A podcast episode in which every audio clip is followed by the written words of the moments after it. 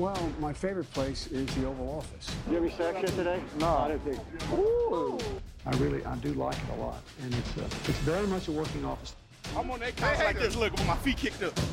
Somebody said this is the greatest home court advantage that you could have in this office. Velkommen til det ovale kontor. Mit navn er Mark Skafte Våbengård, og mens Mathias Sørensen og hans nye brud gør resten af Europa usikker, så er det mig, der er kaptajn på skuden. Og i den her uge, der skal vi igennem flere ting. Vi skal først lige forbi en uh, nyhedsrunde, så kommer vi til at give vores bud på de store priser i år, og så skal vi snakke fodbold. Altså rigtig fodbold, der bliver spillet i den her uge, og som kommer til at gælde i det rigtige regnskab. Det betyder så også, at vi skal sætte picks for første gang i år, og der kommer vi til en lille ekstra hage, som øh, vi skal snakke om, når vi når dertil i programmet. Men først, lad mig byde velkommen til to af mine kollegaer, mine kære venner, og ja, nogle af de allerskarpeste fodboldhjerner her i Danmark, Thijs Joanger og Anders Kaltoft. Thijs, er du med mig? Yes, det kan du tro. Jeg er så klar. Dejligt at høre. Er du klar til, øh, til at snakke noget rigtig fodbold? Jeg har ventet på det i månedsvis, Ja. skulle jeg til at sige. Det, øh, det bliver så godt. You and me both.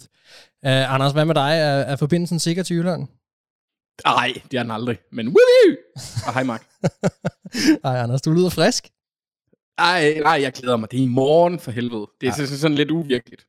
Ja, men det er rigtigt. Har du fået stødet noget af dit, øh, dit forkert farvede lilla gear af her til sæsonstart? Jamen, det ligger jo i København. så, Ah. så nej. Ikke nu. Okay.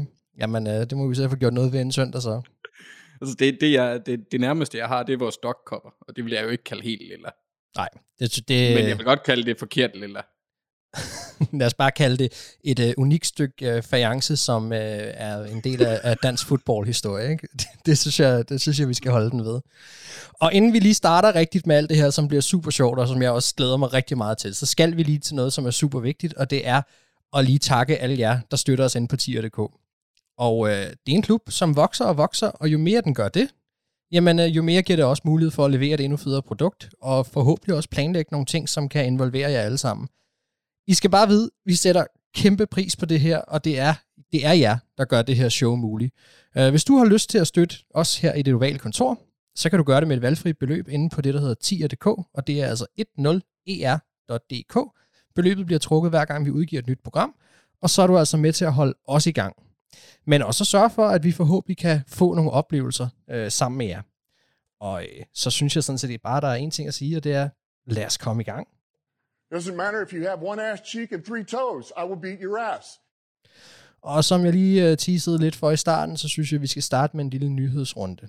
Uh, og uh, jeg beholder lige bordet heroppe, fordi at, uh, der er faktisk to knapper, jeg kan trykke på i forbindelse med den allerførste ting, og de hænger godt sammen. Det er, uh, Mr. Unlimited.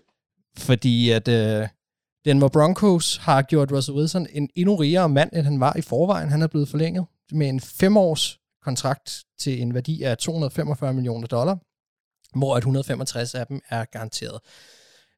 Russell Wilson, han er 33 år nu, Anders. Øh, hvad tænker du om den her kontrakt? Var det ikke øh, ret forventeligt, at, øh, at Denver skulle gøre noget? Jo, altså de laver ikke den handel for et år, så det, det vil komme på et tidspunkt. Så det er jo ikke, og han er ikke der, han er 33, Ja. eller ja, så er det jo, han kan jo, han kan jo i teorien spille 12 år nu, det gør han nok næppe med den spillestil, han har, men altså, Nej, men det der er er der nogen, der har gjort det. Ja, ja, vi Men, ser- men jo, det giver super god mening, og også for, for Broncos, så har de noget, de kan sælge til deres fans. Deres nye ejere kan, kan ligesom komme roligt ind i deres øh, ejerskab. Så altså, det virker ganske fornuftigt. Der er investeret på trænersiden og på quarterback-siden, så må vi se, hvad, hvordan brækkerne ligesom eh, ender med at falde. Ja, der var ikke nogen tvivl om, at han vil gerne, øh, han vil gerne have sådan en type kontrakt her. Seattle vil ikke give ham. De var et andet sted, og øh, nu er han kommet til et hold med nogle andre forventninger, og, øh, og der skal de så bakke det op, og det gør de så med den her kontrakt. Så tillykke til Russell Wilson. Han, øh, han er blevet en endnu rigere mand, end han var før. Men man må så også sige, at Broncos de binder sig til ham i de, hvad, godt fem år her. Fordi hans dead cap efter år 4 er 31 millioner, det tror jeg ikke lige, de hapser.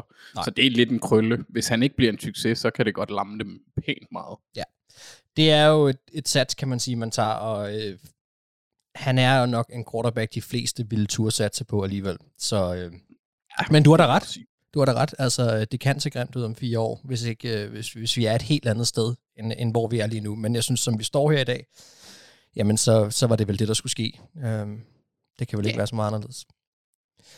Så har vi øh, et par, par små signings, som er sket hister her, her op til sæsonen, lige inden vi skal til i gang. Øh, Cowboys er i gang med at støve øh, Jason Peters af. Han er, han er 40 år, og øh, han er nu på deres øh, practice squad. De har jo haft nogle skader, vi snakkede blandt andet om en af dem sidste uge på deres, øh, offens, øh, deres offensive linje af Peters bor i Dallas, og øh, det vil bare teste ham af og se, om det kan lade sig gøre. Men altså, som sagt, han er, han er de der 40 år, så det, det bliver lidt spændende at se, om han overhovedet er, er værd at rykke ind på linjen. Vi må følge det, hvad, hvad der sker. Så har vi øh, O.J. Howard, tight enden. Han er kommet til Texans. Øh, Jesse James, også tight end, er kommet til Browns. Og så har vi øh, Alex Leatherwood, som øh, nok er kommet til et af de eneste hold, hvor han har en reel chance for at starte, nemlig øh, Chicago Bears. Og øh, Alex Leatherwood er jo selvfølgelig det her første rundevalg fra sidste års draft, som blev hentet af Raiders og cuttet i år også. Og øh, der er vel ikke så meget nyt til dem her, er der? Har I noget at, at, at, at snakke om her? Ikke som du ikke allerede har nævnt. Altså, jeg synes, det bliver spændende at se, hvad Alex Leatherwood han kan gøre hos Bears. Fordi, ja. altså, han blev jo ikke... Vi, alle synes, det var tidligt, at Raiders tog ham. Men han skulle alligevel være gået i anden runde, som altså, ja. havde man forventeligt. Ikke? Så det var en spiller, der havde vist et vist niveau i college. Så de tog altså, ham tidligt, og de cuttede ham tidligt, må man sige. Meget. Og det, det, det sker meget, meget sjældent. Ja. Jeg kan godt forstå, at man tager en chance på ham. Øh, det må jeg sige. Ja. Så, øh, og hvis han så lykkes, så koster han dem 6 millioner i det resterende år hans kontrakt. Ikke? Altså det, det, så har de ham, hvad er det? Så må det jo være øh, fire år, hvis de tager femte års option ja. for 6 millioner. Og når man snakker om en, en klub som Bears lige nu, som har så store problemer på den offensive linje, og en øh, guldfugl i, øh, i støbeskeen, som skal beskyttes, jamen så, så er det den chance, der, der er værd at tage. Så fornuftigt nok at Bears at prøve det. Vi skal også, også snakke lidt skader, og jeg hader at gøre det, men vi bliver nødt til det. Uh, Harold Landry fra Titans, han er altså uden for sæsonen med en, uh, ja, en klassisk sæson uh, slutter, en, uh, en ACL, der er overrevet. Um, og så har vi, Thijs, kan vi lige, uh, kan vi lige få, få navn på, uh, på ham fra, fra Lions? Jeg kunne godt tænke mig at få udtalen helt, helt spot on. Jamen, det er jo den gode Halapulivasi Vaitai. Sådan skal det gøres nemlig, ja. Som er, er kommet på IR med... Det jeg sidst så var en uh, undisclosed injury. Jeg ved faktisk ikke, hvad det er uh, for en skade. Om der er kommet noget frem omkring det. Men han starter i hvert fald sæsonen på, på IR. Øh, og så i Eagles, der har vi den offensive tackle, Andre Dillard, som har brækket arm, og han skal opereres. Og det er en 4-6 uger, har jeg set, som, øh, som det skulle tage, og så må vi se, hvor han så er henne derefter. Øh, skal vi lige vende det her, altså Thijs Harold Landry, det store navn her øh, for Titans. Øh, hvad kommer det til at betyde for dem, at, øh, at de mister ham allerede nu? Ah, men det er et kæmpe slag. Det er virkelig, virkelig, virkelig noget skidt. Øh, fordi den her defensive linje var, øh, var overraskende god sidste år. Øh, der var virkelig, virkelig meget, mange gode præstationer, ikke kun fra Landry, der havde sin bedste sæson i karrieren, og det fik han så også en stor kontrakt ud af, øh, men, men også øh, Jeffrey Simmons, øh, som havde en stor sæson. Øh, Nico Autry havde en stor sæson for, for Titans. Så de havde fået skabt noget rigtig godt op på den øh, defensive linje. Øh, men problemet for dem er, at de er ikke særlig dybe på edge. Det var de ikke. De har Bud Dupree og Harold Landry. Dem har de betalt en del for, og det er også fine spillere. Mm. Gode spillere. Øh, men, men Bud Dupree har også været i uføre her i, uh, i offseason, har været anholdt og kunne ja. også godt stå foran en karantæne på et eller andet tidspunkt. Øh, så, så og, og, og bag ved dem er det meget, meget ukendt. Altså vi snakker fjerde rundevalget fra sidste år, Rashad Weaver, som indtil videre intet har vist. Øh, og ellers så skal de til at lege lidt med nogle af deres andre typer op foran. Øh, Nico Autry kan jo godt bruges øh, lidt rundt omkring på linjen. Men altså, så, så det er et kæmpe slag. Kæmpe slag for deres pass rush. Øh, og, og, og ja, det er ikke en mand, de har en, en naturlig afløser for, på nogen som helst måde. Og det kan virkelig, virkelig betyde et stort slag for deres pass rush. Og der ligger lige pludselig ekstra meget pres på Jeffrey Simmons og Bud Dupree, for den så skyld. De skal virkelig levere varen, øh, hvis uh, Titans skal have held med at komme efter quarterbacks. Ja. Skader er desværre en del af den her sport, vi elsker så meget, og, og det er et fysisk spil, øh, og det er bare kanon ærgerligt, når det er, at øh, sæsonen slutter, inden den er gået i gang for de her spillere, og specielt når det er spillere, der har så stor øh, impact for, for deres hold, som blandt andet en Harold Landry. Øh, så virkelig, virkelig ærgerligt øh, for Titans. Jeg kunne godt tænke mig lige at runde det her skadesegment af med en lille, lille smule optimisme, sådan så vi går ind i den nye sæson med bare lidt fornyet optimisme, fordi uh, Trevor Penning, vi nævnte det sidste uge, uh, left tackle fra, fra Saints, der er kommet noget om, at kommet ud af, at vi, han, han, man forventer, at han uh, hurtigere har tænkt sig, eller kan komme sig over for sin uh, skade efter en vellykket operation i foden. Og nu begynder man altså at snakke tidlig november uh, for Saints-lejren, og det er noget mere optimistisk end sidst, da vi sad og snakkede om det. Og så har vi Zach Wilson, som har trænet med, quarterbacken for Jets, øh, og, øh, og ifølge Robert Sala stadig kan være i spil til at, at komme til at spille i åbneren her. Så, så lidt mere positivt øh, syn på nogle af de her skader, som øh, den vej kan det altså også åbenbart godt gå. Og det er dejligt.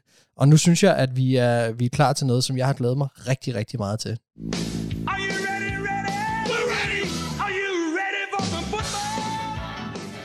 Yes, fordi det er altså den officielle sæsonoptakt 2022-23, som starter nu. Og øh, vi starter på den måde, som vi altid gør, så hvis du er fast lytter af det her program, så vil du vide, hvad vi skal igennem nu. Vi skal starte med at snakke om en historie, en tendens, et emne, som en af os, eller som vi alle tre glæder os til at følge. Så skal vi igennem en, øh, en bold prediction. Vi skal snakke om et hold, vi tror kan overraske, et, der kan skuffe. Og så kommer vi med vores bud på nogle af de helt store priser, og også en Super Bowl. Derefter, der rykker vi over til at snakke om U1. Øh, men altså først skal vi lige igennem det her lille, lille spændende segment, og jeg har tænkt mig at lege med os, øh, når vi kun er os tre. Så lad os starte med, med en historie, en tendens, et emne, som, som vi glæder jer til at, at følge i år. Anders, skal vi lægge ud med dig? Hvad har du valgt? Jamen, jeg har valgt øh, sådan i brede strøg anden års quarterbacks. Ja. Fordi der er mange af dem, og øh, der er mange af dem, der går ind i afgørende sæsoner allerede, vil jeg jo næsten sige, altså, eller der kan risikere det. Øh, Zach Wilson, Trey Lance og Justin Fields har nogle ting, de skal bevise. Så øh, jeg er meget, meget spændt på at se, hvordan, det, hvordan de gør det, om, om de formår at løfte sig, om de formår at skabe øh, nok spil til, at man tror på dem i fremtiden, til at de kan være franchise-bærende quarterback, så at man ikke skal ud og lede efter en ny en igen for altså næste år. Altså Bears er, er et specielt et godt eksempel, fordi deres, altså det bliver rigtig spændende at se, fordi hvis han, meget af det ligger på hans egne skuldre, Justin Fields, fordi holdet omkring ham ikke er særlig godt. Mm. Så, og, og, og det justerer jo egentlig også. Det er også derfor, Mac Jones øh, vil jeg ikke snakke super meget om, fordi vi skal ind på det lidt senere i et større perspektiv, end bare lige ham.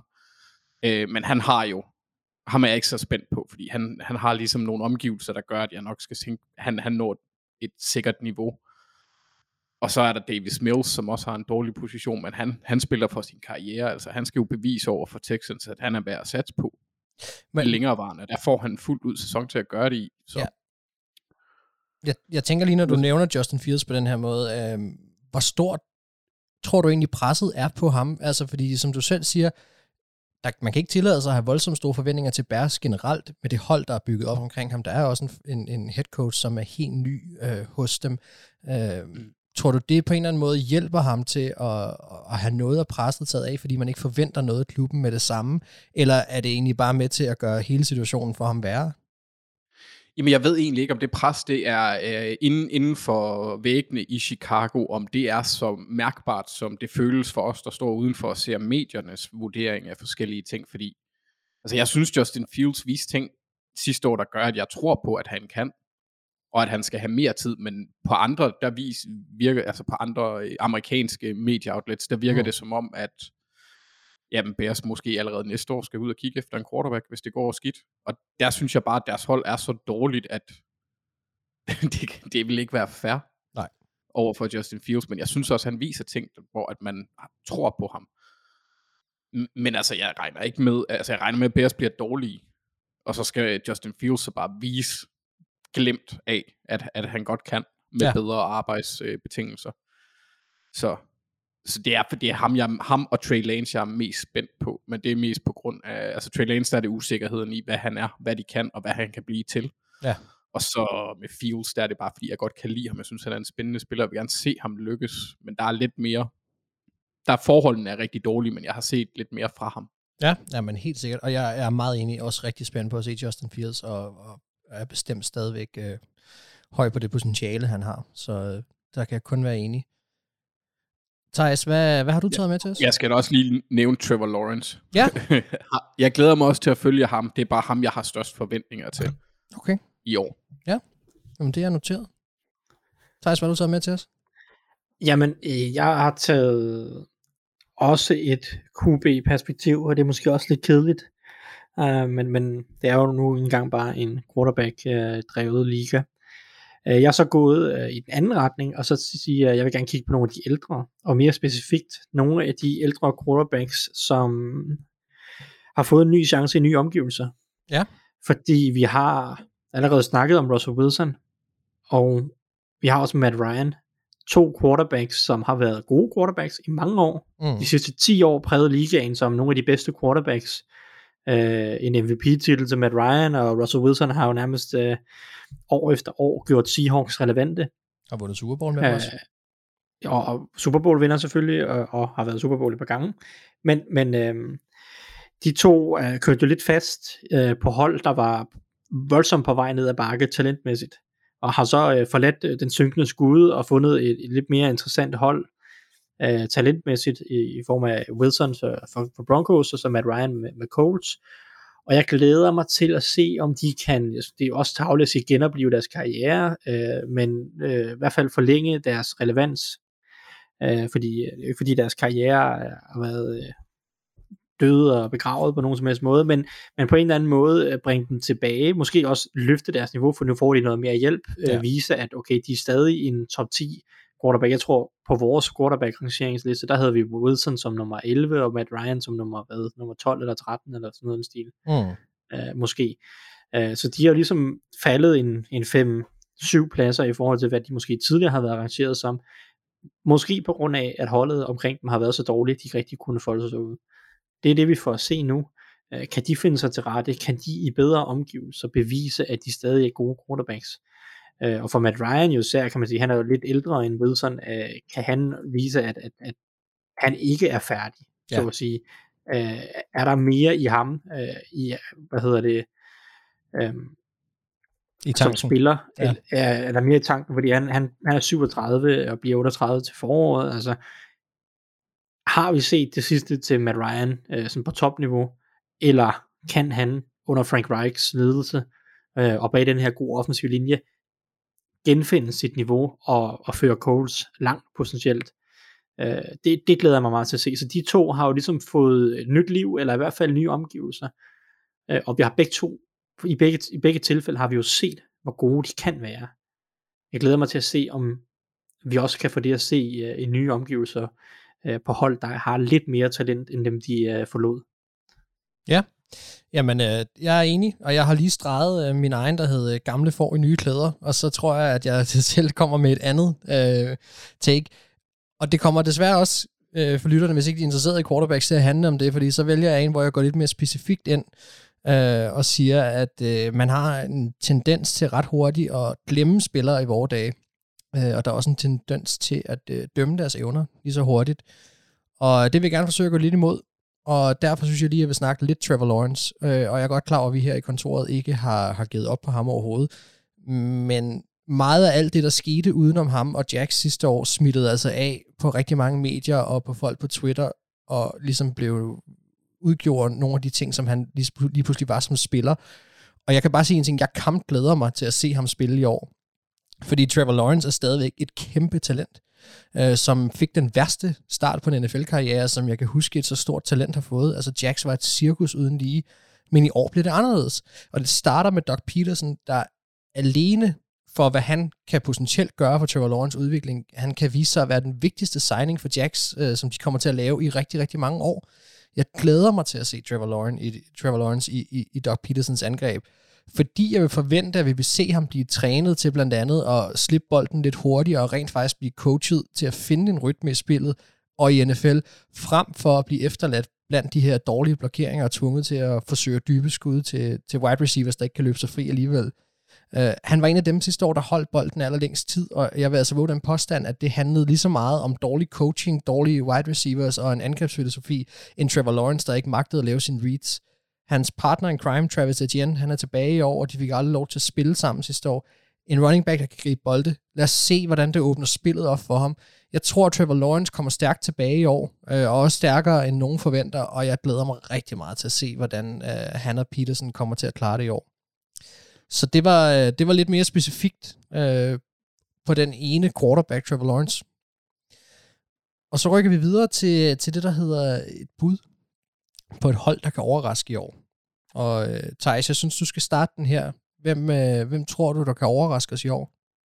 Yes. Jamen, øh, jeg har et par stykker med, men lad os bare starte. Nu får jeg lov til at starte, så kan jeg sige øh, den første, og den jeg egentlig har tænkt mig at snakke mest om. Ja. Øh, og det er... Øh, det er svært for det hold måske ikke at overraske, men altså jeg har sagt det før, og ja. jeg, er, jeg er en Bears believer. Okay. Eller, det ved jeg ikke, om jeg er, men jeg tror, at Bears kan overraske. Ja. Øh, alle har jo ligesom dømt dem som et af ligaens tre dårligste hold i år. Ja. Og det tror jeg bare ikke kommer til at være tilfældet. Øh, Hvorfor? Jeg tror, jeg tror ikke, de går i slutspillet, lad mig sige det sådan, men Mhm. jeg tror ikke, de kommer til at være blandt ligaens dårligste. Nej. Jeg synes, og det er også øh, en lidt, øh, så vil jeg sige, sige halvblind tro på Justin Fields, øh, men jeg tror, han bliver en rigtig god quarterback i år. Jeg tror, der er gode nok spillere øh, rundt omkring. Jeg ved, den offensive linje har været et stort spørgsmålstegn, og det kan også være, det kommer til at tage dem lidt tid, før de finder deres fodfæste. Men Cody White her er en solid spiller. Riley Reef har de inden. Jeg ved ikke, om han skal starte, øh, eller, eller hvordan de finder ud af med guard og tackles og alt muligt. Men hvis han ikke starter, så er det nok fordi Larry Borum er en fin spiller. Jeg- Jeg tror godt, de kan få noget ud af Tevin Jenkins som en solid guard. Lucas Patrick har spillet okay for Packers, de gange han har spillet. Jeg tror ikke, det bliver så dårligt. Og når du så har Daniel Mooney, jeg tror egentlig, Cole Komet går en fin sæson i møde. Og, og, og jeg, jeg, jeg tror også, trænerstaben er solid. Jeg, jeg kan egentlig godt lide Matt Eberflus. Jeg synes, at Lugetzi er spændende, når han kommer fra Packers. Øh, hvad han kan bringe til det her. Øh, jeg synes, mange af deres unge spillere har set fornuftigt ud i preseason, øh, af hvad jeg har set. Øh, det kunne for eksempel være Jaquan Prisker, som har fået mange pæne ord med på vejen for sin training camp og sin preseason, deres uh, rookie safety, anden rundevalg. Mm. Og, og der er jo stadig gode spillere, Roquan Smith, Robert Quinn, altså Jalen Johnson er også en fin cornerback, Eddie, Eddie Jackson, en safety. Det er jo ikke fordi det her hold intet talent har. Øh, det er bare ikke fantastisk, og meget afhænger af den offensive linje, og at måske at, at Byron Pringle eller et eller andet øh, receiver øh, viser lidt Velus Jones, deres tredje rundevalg fra i år. Øh, måske hjælper Justin Fields en lille smule. Men jeg tror ikke, det bliver de tre dårligste hold i NFL. Øh, jeg, jeg tror sagtens, at de kan vinde en 7-8 kampe, og, og være et middel, lidt under middelhold. Så, øh, så, så det tror jeg, det vil være en overraskelse for mange, hvis de bliver sådan et hold, og derfor har jeg taget dem. Ja. Øhm, det er ikke fordi, jeg tror, de kan gå langt. Nej, nej, men, men det er jo men, også... Men, øh, men det, der er mange, der forventer, at de kommer til at være super dårlige. Ja. Det tror jeg, det tror jeg ikke. og jeg skulle også lige sige, det, det er jo fair nok, fordi når vi spørger så bredt om et hold, der kan overraske, så er det jo ud fra, hvad forventningerne, eller de generelle forventninger må være til Mm. dem er. Så det er jo fuldstændig fair nok at tage et hold og så sige, at det er ikke fordi, de kommer i slutspillet, men de kommer til at være bedre, end, end hvad den generelle konsensus lige nu virker til at være. Og, Ja. øh, og det, øh, det er jo fair nok og et frisk bud. Øh, og ja, det er et hold, som, som der er mange, der ikke har særlig mange forventninger til, inklusive mig selv. Øh, jeg vil gerne se Justin Fields få succes, øh, så, så jeg håber et eller andet sted, du får ret, og de bliver sjove. Men, Men, men ja, jeg, jeg har også et andet hold, øh, som måske har en større slutspilschance, hvis de overrasker. Men jeg tænker, I skal have lov til at sige nogle hold først. Ja, altså jeg har også øh, skrevet et par stykker ned. Nu tager jeg lige et så, fordi det, det ligger i, øh, i tråd med det, du siger. Vi bliver nemlig i samme division. Jeg tager Detroit Lions øh, som et hold, som jeg tror kan overraske i år. Øh, og der er måske lidt Hard Knocks fever her også, men, men, men der er nogle ting, som jeg godt kan lide, og det er det her, jeg vil kalde dem Philadelphia Eagles Light. Altså det der med, at man, man bygger op i in the trenches, og, og, og ligesom får noget solidt fundament skabt. Og Dan Campbell har, ja, han er stadig speciel i mine øjne. Det er han. Øh, og, og jeg ved ikke 100% om jeg køber ham endnu. Det skal jeg altså være ærlig at sige. Men jeg tror mere på ham, end jeg gjorde til at starte med.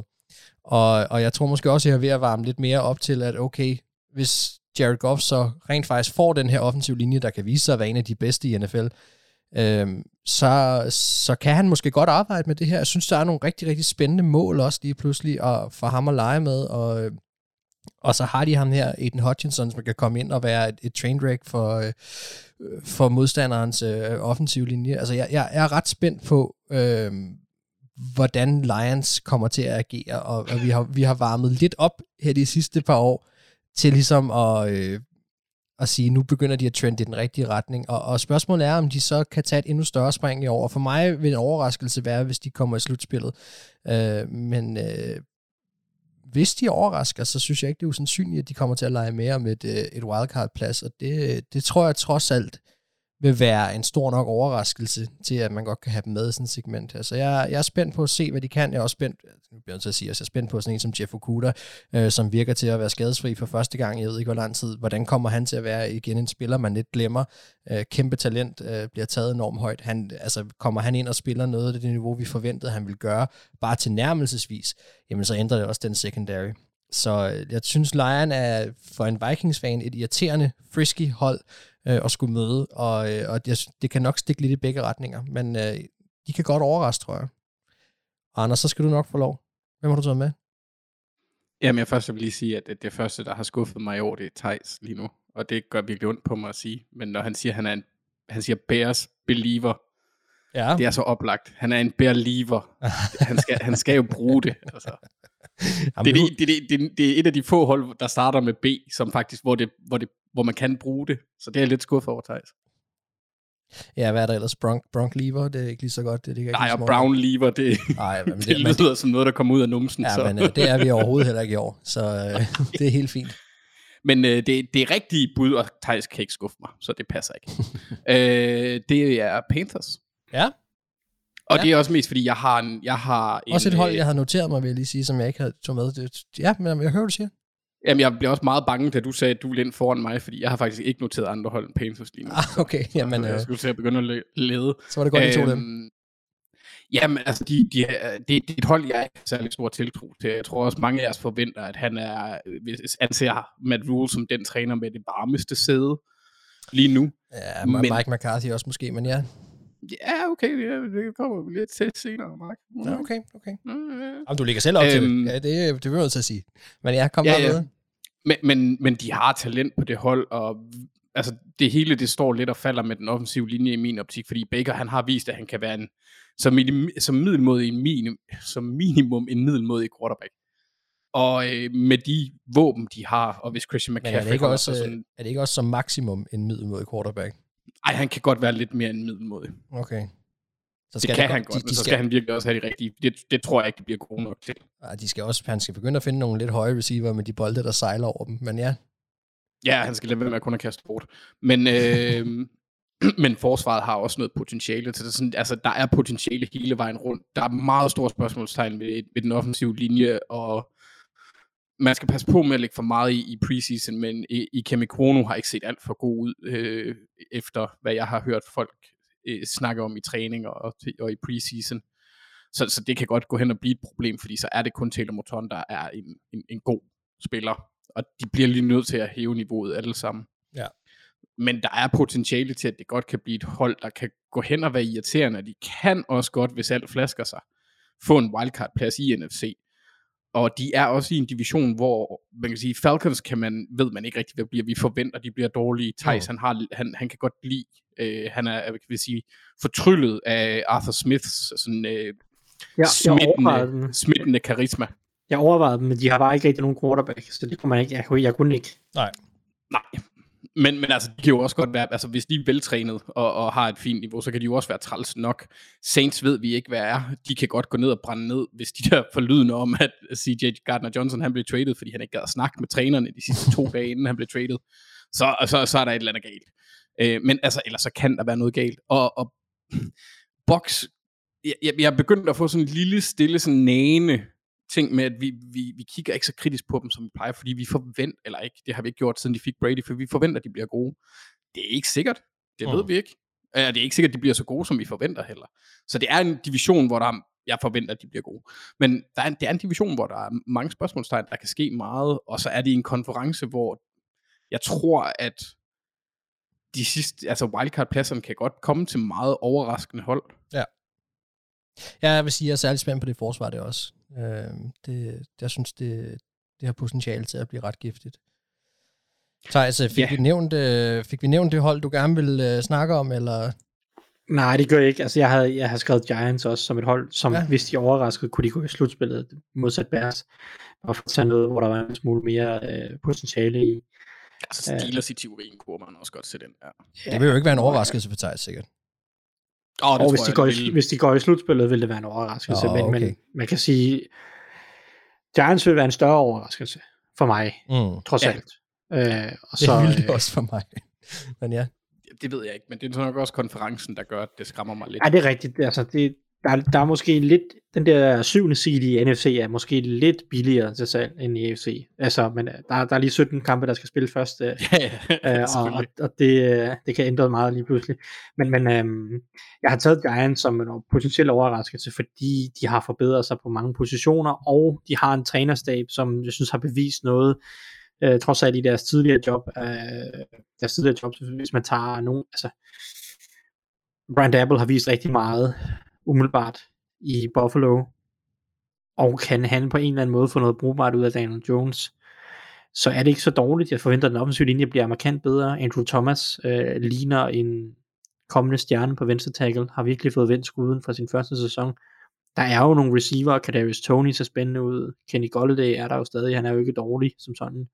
De har det anden runde valgt også. Altså, Barkley, som jo har fået masser af hype, Anders, det kan være, du har været, jeg glæder mig til at se, om du har været ham som offensive player of the year lidt længere nede, men uh, Ja, men comeback player of the year, der vil jeg have ham på. Nå ja, jamen, det kan være. Øh, og forsvaret har også masser af spændende spillere. Hvis Thibodeau kommer tilbage fra sin skade, altså de har gode indvendige folk i Leonard Williams og Dexter Lawrence. Aziz Ojulari er spændende. Adoree Jackson spillede godt sidste år. Xavier McKinney er super spændende. Der er nok talentfulde spillere til, at, at de i en lidt svag division, NFC East måske, sagtens kan komme i nærheden af slutspillet, hvis Daniel Jones kan løfte sig. Øhm, så, så det var min anden potentielle overraskelse. Jeg ved ikke, om jeg tror på det personligt, men jeg synes, der er potentiale til det. Det er noteret, og det er et af de største hvis, jeg tror, vi har givet meget længe, det der med, at hvis øh, Daniel Jones skal på en eller anden måde løfte. Hvis det lykkes Brian Dabble at løfte Daniel Jones til et niveau, hvor han kan tage Giants bare til nærmelsesvis i, øh, tæt på at komme i slutspillet, så er han en magiker uden lige. Så skal vi give et bud på et hold, der kan skuffe i år, og øh, jeg tænker, at jeg selv ligger ud her, så vi får lidt rotation i det. Og øh, jeg starter med et hold, som måske efterhånden er ved at være lidt oplagt til et hold, der kan skuffe. I hvert fald i mine øjne. Og det er Philadelphia Eagles. Og, og det gør jeg simpelthen på baggrund af, at, at hypen vil ingen ende tage omkring, hvad Philadelphia Eagles ikke kan blive øh, i år. Nu øh, har jeg snart hørt den ene efter den anden udråbe dem til NFC's øh, bud på, øh, på en Super Bowl-deltager. Og jeg må mane til den besindighed, der hedder, vi ved ikke, hvad Jalen Hurts bliver i år, og jeg synes også, det er meget, meget, meget positivt øh, talt om, omkring øh, Nick Sirianni. Jeg vil sige, det er rigtigt, de gjorde nogle ting sidste år, og specielt mod slutningen af sæsonen, som virkede fint, og vi er enige, de har et super komplet hold.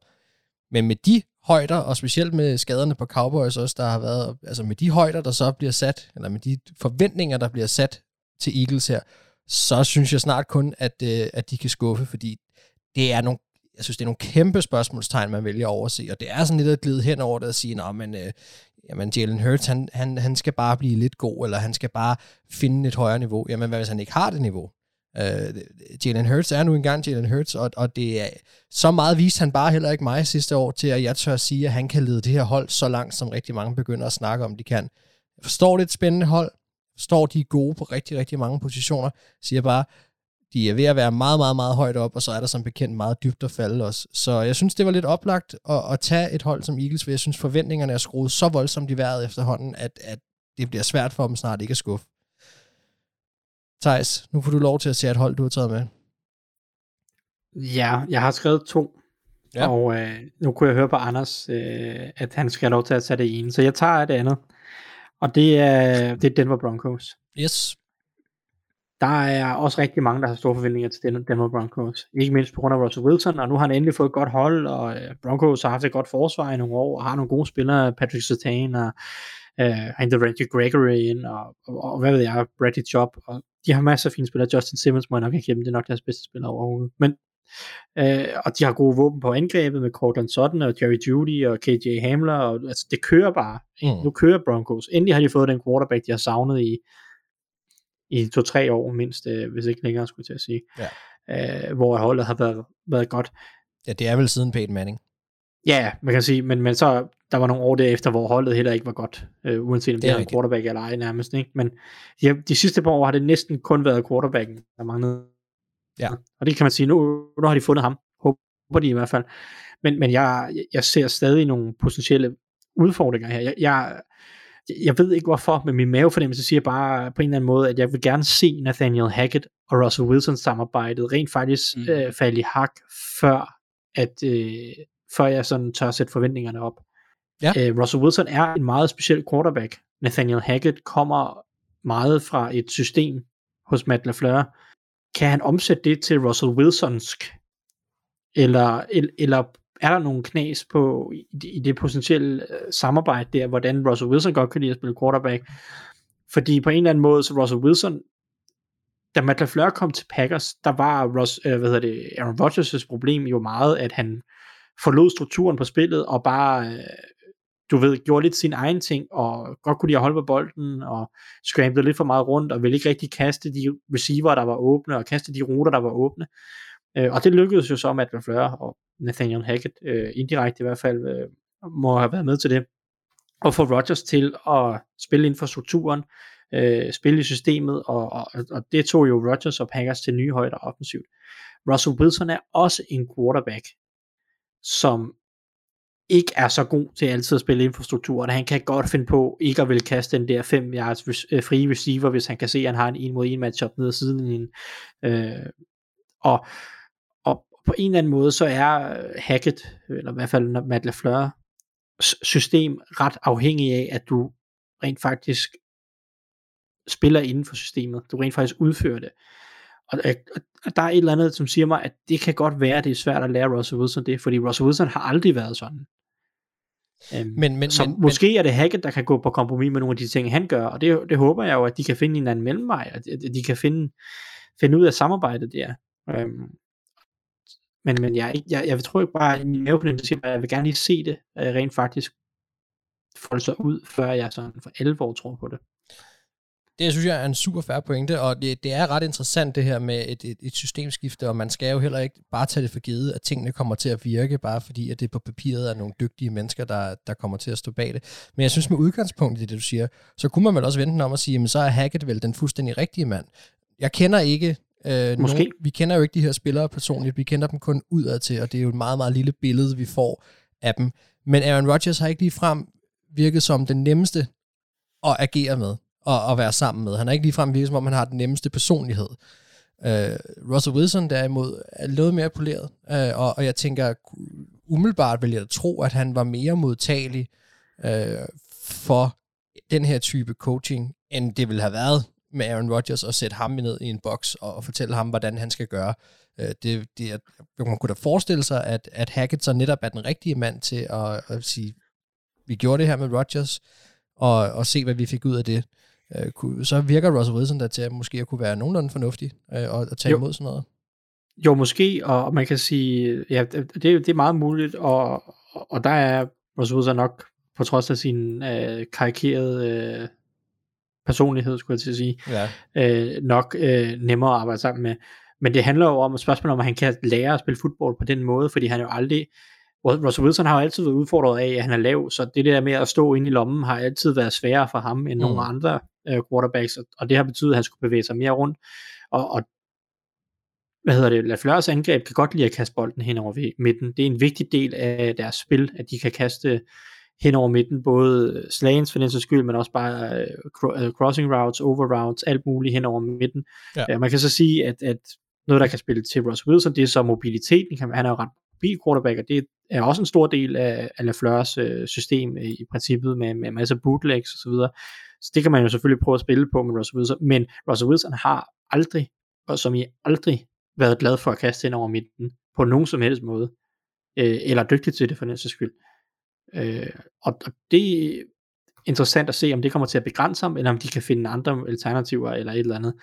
Det glæder jeg mig til at se. Og så vil jeg sige, i forhold til sådan Broncos generelt, jeg synes også stadig, at der mangler en del på forsvaret. Jeg er bekymret for deres pass rush. Jeg ved godt, de har hentet Randy Gregory ind, men, men jeg synes ikke, det er ret dybt. Øh, og Mm. øh, den indvendige del af den offensive linje er også usikker. Linebackersne stoler jeg ikke super meget på. Det, det, der er nogle huller på det her hold, som gør, at jeg tror, at de godt kan få svært ved at konkurrere i en ret stærk division. Kan de holde den der no-fly zone igen i år? Nej, og det var det jo heller ikke sidste år, kan man sige. Altså, Det, deres cornerback-gruppe er fin, men den er ikke, den er ikke jeg tror ikke, den er noget særligt. Øh, Ronald Darby er en okay spiller, og det er K1 Williams også. Men Mm. øh, jeg tror ikke, at de kan, jeg tror ikke, de kan Surtain, dominere. der- Surtain der er, hyped. han er super hyped, og han er dygtig. Ja, men jeg tror, det er primært ham og Justin Simmons, der bliver nævnt sådan, som enhed, synes jeg ikke, at de bliver snakket om som sådan ugudelige. Nej. Altså, men jeg tror, de kommer til at være solide nede bagved. Altså, men, men, men, ja. Jeg, jeg synes bare, jeg, jeg tror bare, Broncos stadig har nogle huller på holdet, og jeg er ikke helt sikker på Russell Wilson samarbejde nu, til at, at mange siger, at det her det er et slutspilshold, og nu, nu det skal, de skal i slutspillet dem her. Mm. Øh, og så er der hele divisionsfaktoren om, Ja, det er det er bare rigtigt. ikke så nemt at komme i slutspillet, når man er der. Så det kan bare rigtig hurtigt skuffe, og hvis ikke Broncos kommer i slutspillet, og har investeret så mange penge i Russell Wilson og den her trade og sådan noget, så vil det være en skuffelse Ja. for Broncos fans. Det er der ikke Så noget. jeg synes bare, det er, det, det er også oplagt, at de, de kan skuffe. Jamen, jeg er helt enig. Jeg synes også, det er oplagt, at man kunne tage alle hold for den division, og så sige, hvis ikke de kommer i slutspillet, så vil de nok skuffe på en eller anden måde. Uh, Anders, vi skal have et hold for dig også. Så det er godt, jeg ikke har valgt Chargers, var Mark? Mark? Det må du da gerne. Det er lidt meget... Nå, men med den afsluttende bemærkning, så var der ikke så meget at snakke om, for det er jo rigtigt. Men det er jo også, altså hvis jeg skulle nævne dem, så er det også fordi, de er super hyped. Mm. Men nu bliver jeg sådan helt i tvivl om, hvad Thijs han troede, jeg ville snakke om. Mm, øh, jeg har valgt øh, Bengals. Okay, Ja. ja. det var ikke dem. Nej, det tænkte jeg nok. Men det er nok også mest i min egen verden, øh, og er baseret på afslutningen af sidste sæsoner, deres playoff run. Fordi selve øh, regular season, det var ikke imponerende, hvad gik de, hvad det 10 og 7, de kom i playoffs med. Ja. De var lige ved at miste øh, divisionen til et øh, Ravens hold, der ikke havde Lamar i de sidste fem kampe, og generelt bare var ramponeret af skader, og Steelers var med. Altså, det var, det var ikke imponerende. Så der er, og så er der aspekter, hvor det stadigvæk kan give problemer, fordi forsvaret præsterede overrasket nok os alle sidste år. Ja, det gør de. Øhm, og, og det er bare svært at vedligeholde, hvis det er sådan, det er forsvaret, der skal gøre det. Øhm, så den offensive linje, ja, de har lavet nogle forbedringer. Spørgsmålet er, hvor meget det gør. Jeg tror stadigvæk, det bliver et godt hold på angrebet, fordi de kan gå dybt, men hvis du så på en eller anden måde får, får, får ikke, man kan ikke lukke ned for det, det har de for mange våben til, men hvis du får hæmmet dem lidt, eller, eller, eller Sa- Zach Taylor, han fortsætter sin tosse ting med at undskyld, løbe på første down, Hold da op. han vil ud der. Øh, ja, det kebaben vil op, når man snakker om Zach Taylor. Ja. Og så, så, så kan det godt gå galt. Altså, de har Joe Burrow og Jamar Chase, og det er sådan set det, jeg tror, de sætter hele deres lid til næsten. Altså, hvis de præsterer på et højt niveau, så kan det blive ufattelig farligt et mandskab. Men, altså, jeg kan også godt se dem miss playoffs og blive en kæmpe skuffelse, fordi vi har, eller jeg har, og andre har de forventninger til dem. Det kan godt være, at de er dalet en lille bitte smule siden, og vi ikke har dem helt op der. Men, altså, vi havde dem, hvad var det, vi havde dem 26 sidste år, ikke? og nu har vi dem i top 10, ikke? altså primært er der blandt andet, fordi jeg selv har en, har en stor fidus til dem og Burrow, ikke? Men Jo, jo. Og nu er vores, de øh, spotlightet. Og vores Zach Taylor øh, hate øh, har vi været nødt til at dæmpe en lille bitte smule, selvom at vi stadig er skeptiske. Øh, men, men jeg skal også lige være helt med her i forhold til, når vi snakker skuffelse her. Du sagde misse slutspillet. Er det det, du, det, det der, altså sådan... Det vil være en kæmpe skuffelse det, for det Bengals. er der ikke nogen tvivl om, at det ville. For jeg skulle også til at spørge, om, om, det, om skuffelsen lå i, hvis de ikke kom med Super Bowl igen, fordi det vil, det er jeg enig med dig Det-. Det vil nok blive svært, men, men Det, det tror jeg ikke, men en one and done ville nok også være skuffende. Men jeg kan godt se en situation, hvor de ikke kommer i slutspillet, fordi konferencen er stærk, og hvis de ikke vinder divisionen, så er det ikke sikkert, de kommer med. Ja.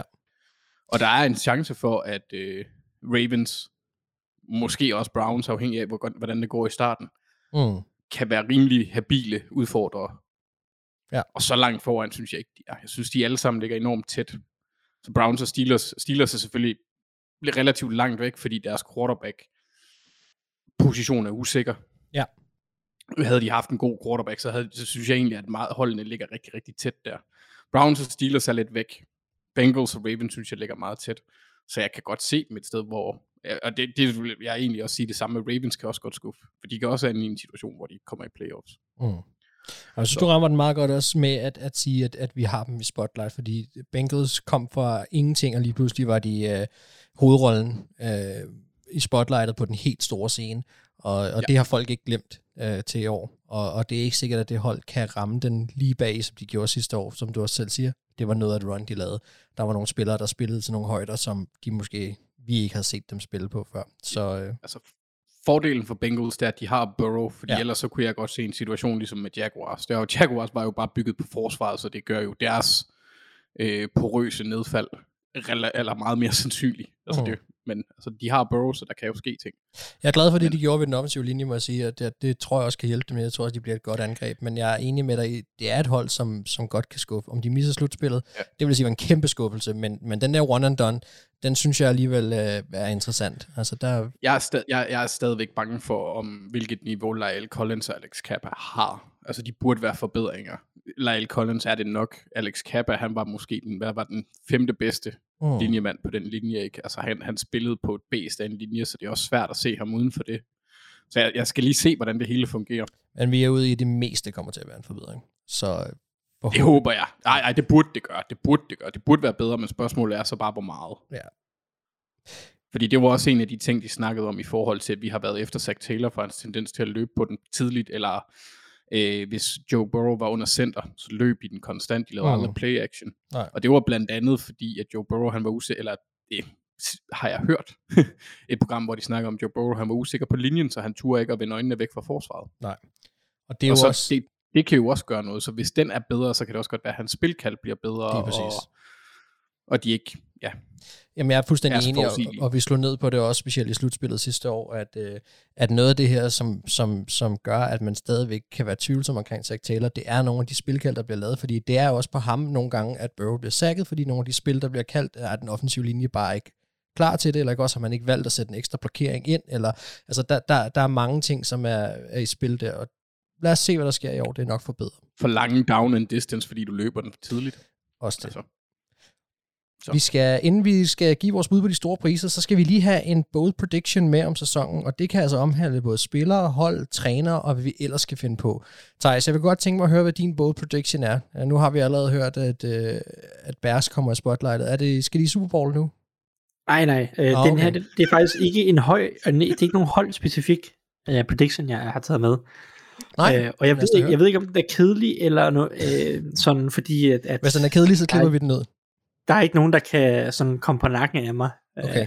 den, er ikke, den er ikke så kontroversiel måske. Nej. Men jeg har, jeg, går ikke, jeg har ikke den her sæson, og jeg har ikke kunnet lade være med at tænke på, øh, og snakke om det sidste uge, hvor tæt jeg synes, det er i toppen.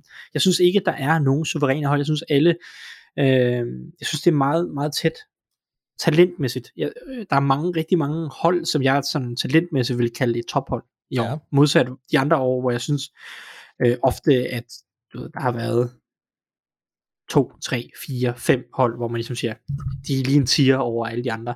Er Det, I år kan jeg næsten det- argumentere for, synes jeg, at der er nærmest 10 tophold i NFL, som jeg vil vurdere næsten lige gode. okay, er det, er det meget sådan AFC-specifikt, vi snakker lige nu, eller Nej, snakker du Det bredt? er, det er helt øh, konkret, øh, det, er, det er helt ukonkret på tværs af AFC og AFC. Okay, Så min bold prediction er, at efter uge 4 i den her sæson, så er der ikke et ubesejret hold tilbage. okay. Så vi får hurtigt afgjort den her. Ja, Øh, og, og det kan godt være, at det er lidt kedeligt, men, men, men hvad hedder det, det, er ikke, det sker relativt sjældent, det er hurtigt, ja.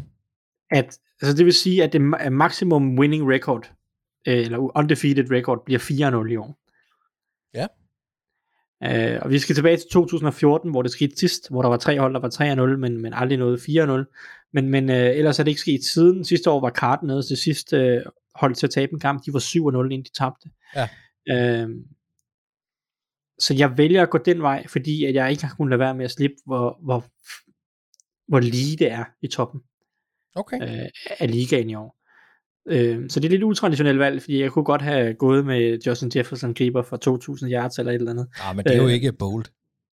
Ej, nej, undskyld, 2500. Nå, okay. Øhm, men men øh, det, det var det, der blev ved med at hænge fast i mig, at, øh, der, der, der kommer til at ske noget ravage i Ja. toppen af ligaen i år. Og jeg tror, jeg, jeg tror ikke, der er nogen, der går 15 af 1, øh, eller det bliver det så ikke til 15 og 2, eller, eller noget stil.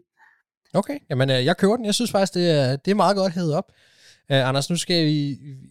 Så nu, nu tager vi lige og afliver chancen for, at jeg så har taget din, og så får du lov til at sige, hvad din bold prediction er nu.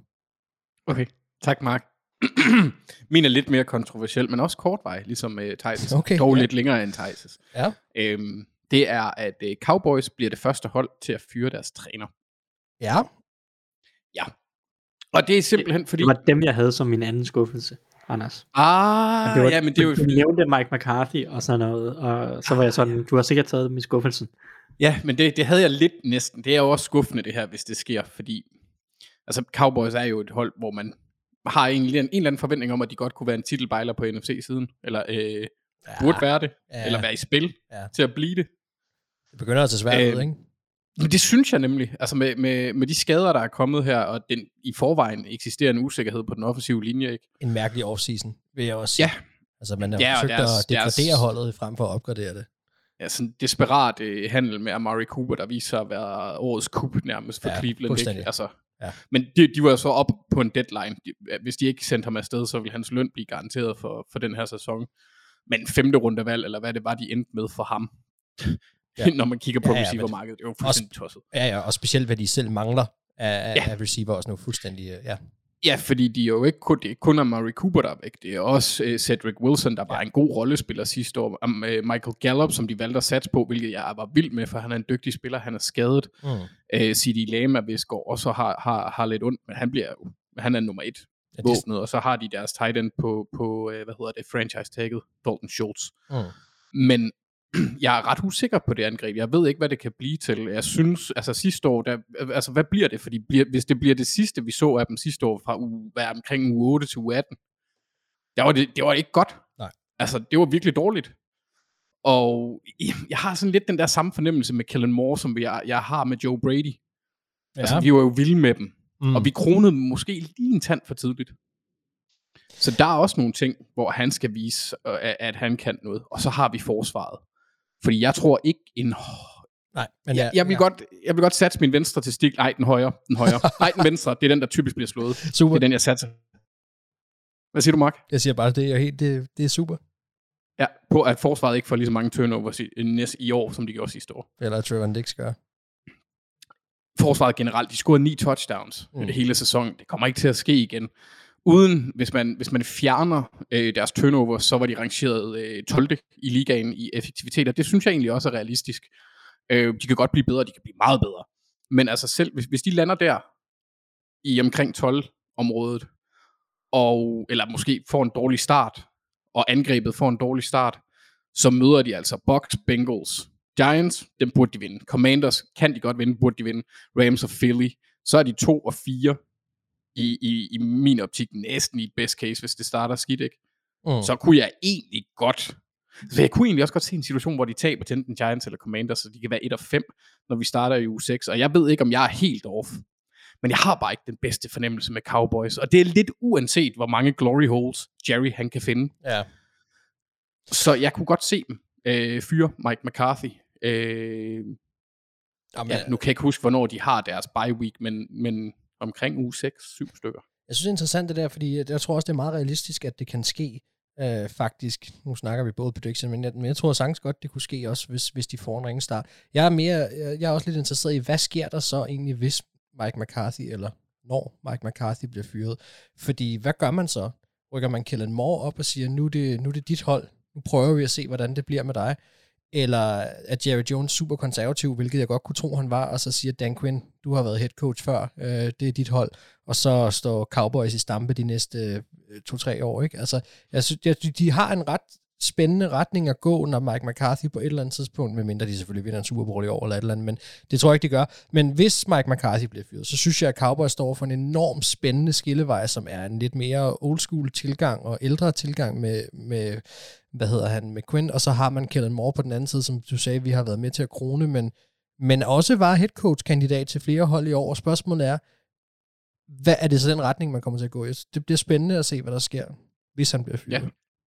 Og også fordi det giver noget øh, fremtidsaspekt, hvis Mike McCarthy ryger, fordi jeg tvivler på, at altså hvis Jerry Jones ikke giver den til, til hvad hedder det, Kellen Moore, han er, han er jo den bedst betalte, er han ikke den bedst betalte offensiv koordinator i ligaen? Det mener jeg. Det skal jeg ikke kunne sige. Det kan godt være. Øhm, fordi de har nemlig lavet en investering i ham, og ser ham som et håb for fremtiden. Hvis han ikke bliver valgt, mm. så, så har de skiftet holdning. Ja, men jeg kunne bare godt se et panikmove, hvis man vælger at fyre ham, og så sige, at vi, vi tager den sikre øh, i Quinn, og siger, at du har været head coach tidligere, du har bevist det, før du har rutinen på en anden måde. Men altså ja, det, det er jo også, nu er det meget spekulativt, vi ved ikke, hvad der kommer til at ske. Jo, jo, jo, selvfølgelig. Men spændende. Ren spekulation. Yes. Så skal, så skal vi lige afslutte bold prediction her med, med min, og jeg håber, at jeg kan slutte på en lidt spicy måde. Og øh, vi skal snakke en enkelt spiller her. Og øh, jeg siger, at min bold prediction for i år, det er, at Derek Carr, han kommer ikke bare for første gang i karrieren til at kaste over 5.000 yards. Han kommer til at kaste for både flest yards og flest touchdowns af alle quarterbacks i år. Sidste år, der var der kun to, der kom over 5.000 yards. Det var Brady. Han havde 5.313, eller 16, undskyld. Og Justin Herbert, der lige sneg sig med på 5.014. Hvad angår touchdowns, så var det Brady sidste år, der kastede 43. Carr har aldrig kastet mere end 32 touchdowns i en enkelt sæson, og det højeste antal yards, han har kastet for i en enkelt sæson, det var sidste år, hvor han kastede for 4.804 yards. Så han var altså ved at nærme sig deroppe af. Men øh, jeg har set i lys i det her angreb. Ny træner, øh, det er jo så med upside her, og så den der vanvittige trio, øh, som de har. Det er klart, der er øh, noget med en offensiv linje, men der er samtidig også noget med et forsvar, der kunne lukke en hulsmasse point ind og, og sørge for, at Raiders skal op og score de her øh, point hver kamp. Og jeg, jeg, jeg har et, øh, et lille øje til, at Derek Carr, han øh, tager endnu et nyk op af stigen, og så, øh, så kommer han til at være øh, vanvittigt kasteglad i år. Var det bold nok? Ja, wow, ja. Ja, det vil jeg sige. Det vil jeg sige. Men, okay. men det er ikke, øh, altså jeg, det, jeg tror ikke, det er nogen, der bliver sure. Nå. Okay. Jeg, se, men, jeg, men tænker, det er bold. Jeg, jeg, tænker, jeg vil have lidt værdier på måske. Altså, det er jo det er fint at sige, at han kommer til at kaste for flest og komme over 5.000 sådan noget, men altså, hvor, hvor højt kommer vi op? Hvor mange touchdowns kaster han? Ah, ja, okay. Jamen altså, så, så skal man sige... Bare lige for sådan, uh, hvor bold er vi her? Okay. Jamen, han kommer til at kaste 40. Og det var altså... Brady, han kastede 43. Jeg synes faktisk ikke, det er bold. Brady, Altså. Brady kastede 43 sidste år. Det var vanvittigt. Jeg, jeg tror sgu ikke, han kommer, han kan ikke komme ikke højere op. Jamen, det er også fair. Han har aldrig været højere end 32. Så Det er jo det. øh, Jeg synes, det er, det er, en, det er en flot stigning. Det kræver så lidt, at nogle af de andre ikke uh, helt leverer på samme niveau, at Mahomes måske heller ikke går helt så meget amok. Men uh, ja, der har I den, min bold prediction for i år. Og nu, uh, nu kører vi til vores bud på vinderne af de store priser, og vi starter med Offensive Rookie of the Year.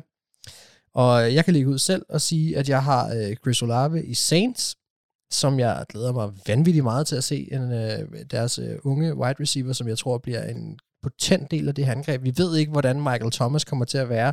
Hvis han er god, så kommer han nok til at trække en del opmærksomhed, der kunne give nogle, øh, nogle muligheder for Chris. Og hvis, øh, hvis ikke han er, jamen så skal han ind og have en større rolle øh, i angrebet, og så, så vil vi nok se ham være meget aktiv. Så either way, så, så tror jeg, at han kommer til allerede i år at spille en stor rolle for, for et hold, som med James Winston bag roret kommer til at kaste bolden ret meget, vil jeg forvente. Så han er mit bud. Thijs, hvem er din? Jamen, jeg er enig i, at øh, det ligger til en af de her rookie receiver. Der er mange bud. Jeg har skrevet Drake London personligt. Ham havde jeg også øh, nævnt. Men ja, Ja, yes. for, fordi at de kommer, altså, ja, han bliver våbnet ud over Kyle Pitts. Der kommer til at være masser af bold i- til ham. Er han klar Men til altså, U1? Om han er klar til U1? Ja, Øh, det ved jeg ikke. Jeg ved godt, Nej, han har okay. haft en mindre skade, men, men ja, Det- det, er nok lidt op i luften. det kan vi finde ud af. Men ja, ja. Godt bud. Jeg, jeg håber, han er klar, men, men jeg tror, der er, der, der er potentiale til, at han kan få en nøglerolle på det her angreb, og derfor har jeg taget ham. Men uh, der er mange andre rookie receiver, man kunne, have vælge, uh, kunne vælge. Nu kan Anders måske få lov til at nævne en tredje, hvis han vil. Ja, Anders, er vi i Mhm. receiver, eller er vi i running back, uh, quarterback? Uh, hvad kan du overraske os med? Øh, ikke en quarterback, Nej. fordi så skulle, så, så, så skulle det være Desmond Ritter eller Malik Willis eller et eller andet. Ja. Øh, eller, eller, eller Kenny Pickett for den sags skyld. Men jeg tror bare, at de kommer på banen så sent, at øh, de her receivers eller running backs har præsteret mere. Ja. Øhm, så jeg har faktisk, jeg har skrevet tre ned, men jeg vælger at gå med George Pickens fra Steelers. Ja, Jeg tror, han bliver based. Jeg Ja. tror bare, han bliver et based. Han, er- han er så dygtig allerede. Og, og det, øh, jeg glæder mig til at se ham. Øh, I alle kampe på nær to næste år. det kan jeg godt forstå.